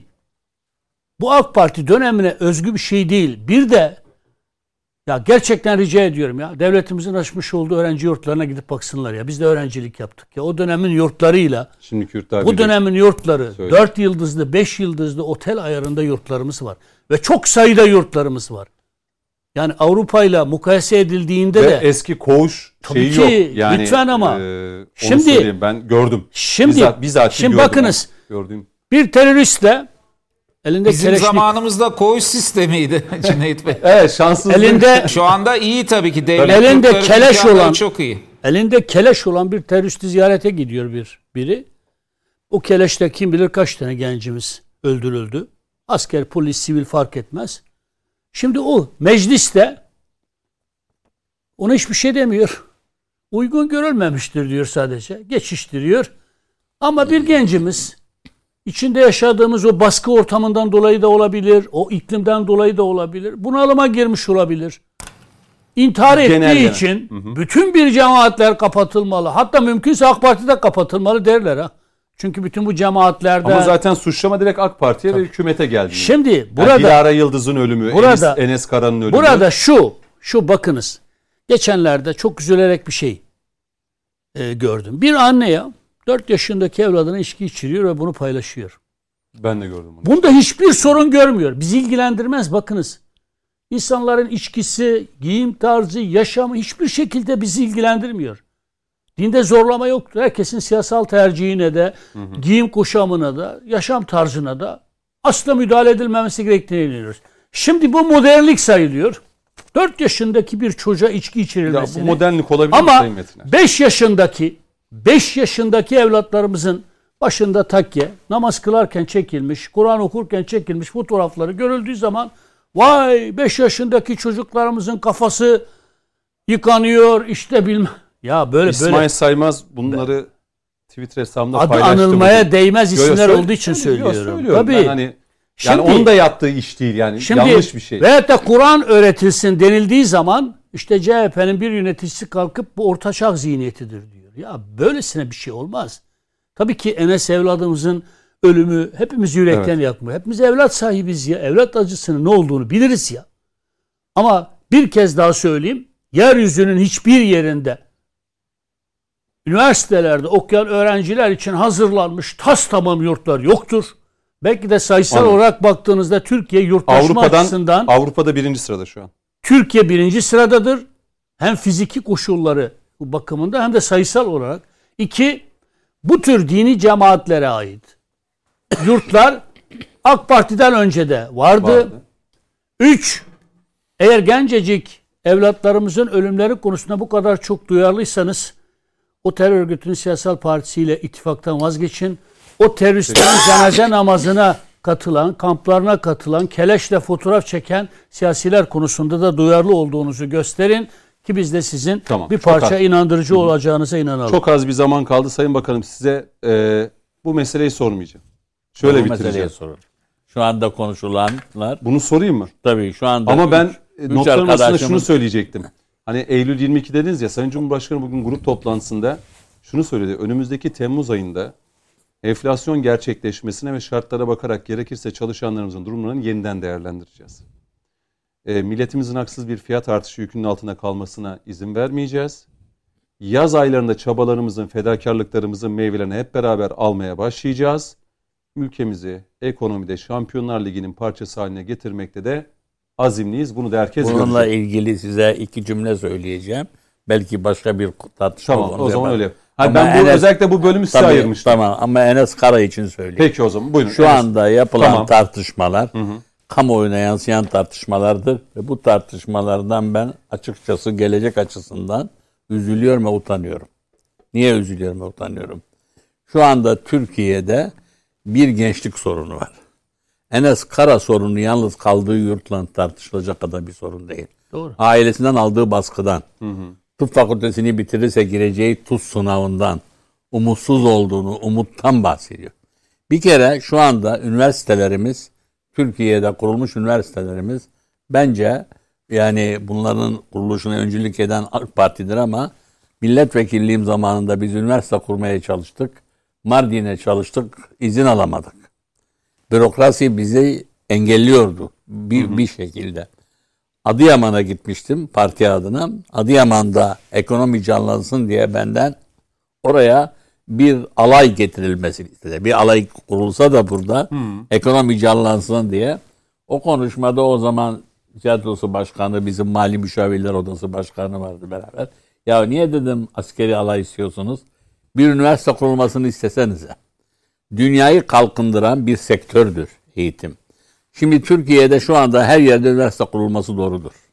Hani diyorlar ya yok. Yaman'da da en Ya- saygın, en köklü üniversitelerimizden biri var. İşte yani. ondan sonra kuruldu. Zaten bu benim dediğim 2001 yılında yapılan tartışmalardır. Şimdi bakın bugün Türkiye'de özel üniversiteler kuruluyor. Bir kere özel üniversiteler kurulurken aynı zamanda bunlar bağış da alıyorlar. Fakültelerin adı, şahıs adlarıdır vesaire. Bu üniversitelere bir de yurt kurma mecburiyeti getirilsin. İlk başta kurulan bütün üniversitelerin özel yurdu vardı Vakıf ve özel üniversitelerde yurt kurma. kurma. Yani üniversite Zorunlu. kurarken onun ihtiyacı belli. Planlama yapmış. Kaç kişinin dışarıdan geleceğini vesaire tahmin eder. Kendisine ait bir yurt olsun. Böyle dünyada yoktur filan demezsin. Ben Yani dünyayı ben dünyayı bilen bir kişi. Dünyada her üniversitenin, bırakın her üniversitenin şu anda Türkiye'den yabancı dil eğitimi için gönderin Oxford'a, Cambridge'e birilerini. O özel okulun yanında hostel vardır. Yani Ben öğrencileri özel üniversitelerden bahsetmedim. Hayır hayır ben daha devlete gelmedim. Devlete de geleceğim. Devlete de geleceğim. Devlet üniversiteleri Böyle- yalnız bir Ha, olarak tabii, söyleyeyim. tabii Erzurum geleceğim. Atatürk Üniversitesi bu konuda Türkiye'de Ee, örnektir. mesela böyle. Yani 60 bin öğrenci ve içinde yaklaşık 20'ye yakın yurdu olan. Yani kampüs, öğrenci hayatı ve yurt. Tabii. İç şimdi, içe. şimdi bu yapı Türkiye'de bir. Özel üniversitelerin sayısı fazla ya. Hani fazla olduğu bir kere bu olmalı. Her şehirde kendi adına devlete ait bir üniversite var. Evet. Her şehir çeşitli iş adamlarını bulup bir fakülte yaptırtıyor, bir bina inşa ettiriyor vesaire. Aynı zamanda yurt da inşa ettirsin. Ettiriyoruz. E, hayır ettiriyorsun da az yani. Daha fazla. Ben bir dakika bir şey söyleyeceğim. Bu yurt sorun bu, bu yurt sorunu neden bu şekilde geldi Türkiye'nin başına? Çünkü bu kadar üniversite planlanıp kurulurken üniversite öğrencisinin sayısı artacağı varsayılırken onun yanında barınma olgusu aynı nispete gitmedi. Gitmeyecek demek değil. Bundan sonra gider. Enes Kara'nın Ya. ölümünün yurtla yurt sorunuyla da bir şey olup var mı? Öyle mi? Bence tek başına değil.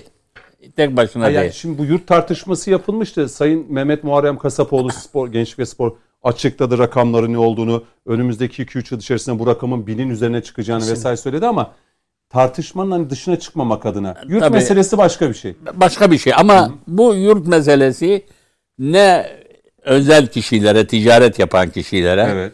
ne cemaatlere, ne şuna buna bırakılmayacak kadar özel bir Devletin konudur. tamamıyla. Devlet ya da devletin kontrolünde hasreten yurt işletmeciliği yapacak sivil toplum örgütleri. Ama yani şimdi her yurdun vesaire. önünde şey var. Mil, Milli Eğitim Bakanlığı yazıyor. değil mi? Milli Eğitim Bakanlığı. Yani Yani ben onu demiyorum. Hasreten bu işi olan. Yani bu işi planlayacaklar. Burada kapatıyorum. Yani ben şey tartışması demek istemiyorum. Yok cemaat yurdunda kalmış filan. anladım. Bu çocuk inanç olarak ona baskı yapmış olabilirler. O kaldığı yurdun inancına girmek istemediği için gitsin diye baskı yapmış olabilirler. Hani bir nevi mobbing dediğimiz şey yapmış olabilir. Bu araştırılabilir. Ama asıl çocuğun bu umutsuz oldum. Tuz e- eğitimi var vesaire dediği şey ortaya şunu getiriyor. Gençlerimizi rehabilite edecek bir mekanizmanın da üniversitelerde ve bütün okullarda kurulması gerekir. Yani son günlerde ilkokulda bir öğretmenin birisinin kulağını çekmesi, dövmesi, tercih etmesi bunlar bizim gençlerimizi umutsuz hale getiriyor. Çok haklısınız. Umudu Bakanım ama- yaratacağım. Gelelim enflasyona. Yok da artık bitti süre. peki. Süre bitti. Ama o zaman şöyle söyleyeyim size. O hakkı şey Şu yap. anda enflasyonla ilgili alınmış olan tedbirler yeterli değil. Hiç Enflasyonu kon- kontrol etmeyi hayır gelecek toplantının için veriyorum size. Bir ve Cumhurbaşkanının Hı hı. Temmuz ayını söylemesi Kılıçdaroğlu'nun da Eylül ayında seçim var demesiyle bağlantılı. Peki. Siz Enes Kara mevzusundan bu konuyu değerlendirirken ya muhalefetin de şöyle bir dili var. gençlerimizi lütfen kandırmasınlar, aldatmasınlar. Ben kaç defa dinledim. Ya gencecik bir kızımız diyor ki ya ben bu ülkeden artık gitmek istiyorum. İşte Almanya'ya gidersem gideceğim orada 3-5 ay çalışacağım. Sonra ülkeme döneceğim. Arabamı, yazdığımı, her şeyimi alacağım diyor. Öyle olmadığını birisinin anlatması lazım. Heh, ama Yapılmış olan bir araştırmayı söyleyeyim. Türkiye'de Türklerin muhalefet de bunu özü- söylüyor. Diyor ki bu genç Türk- diyor Almanya'ya gitsin Hayır, bir yıl hayır. çalışsın Hayır diyor. bunu abartıyorlar.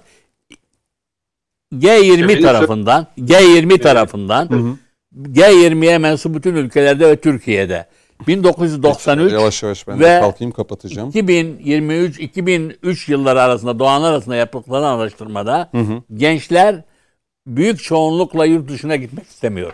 Nitekim oradaki o- verilen veriler tartışılırken Az önce- kim ne derse desin önce kim kim etkiledi onu biliyor musunuz? O gerçekliğini söylediği pandemi döneminde herkes ölecekse memleketinde öleyim diye geldi. Yani Sayın bunu böyle şey kimse söylüyor. abartmasın. Ama muhalefet de böyle yapmasın. Yani zenginler, bazı kişiler Türkiye'nin gerçeklerini söyleyelim. yapalım Ya Almanya'dakiler de İngiltere'dekiler de bizim gençlerimizi önüne kırmızı alıp e, hadi gelin siz 3-5 ay çalışın biz paraları verin de gidin Öyle ülkemizden. olsa Alman gençleri böyle yaşar ya. Peki. Az önce Heh. vurguladığım husus o. Yani İşte, bu bu bu, e, bu muhalefetin- konuyu Türkiye'yi işte böyle aydınlatan yok.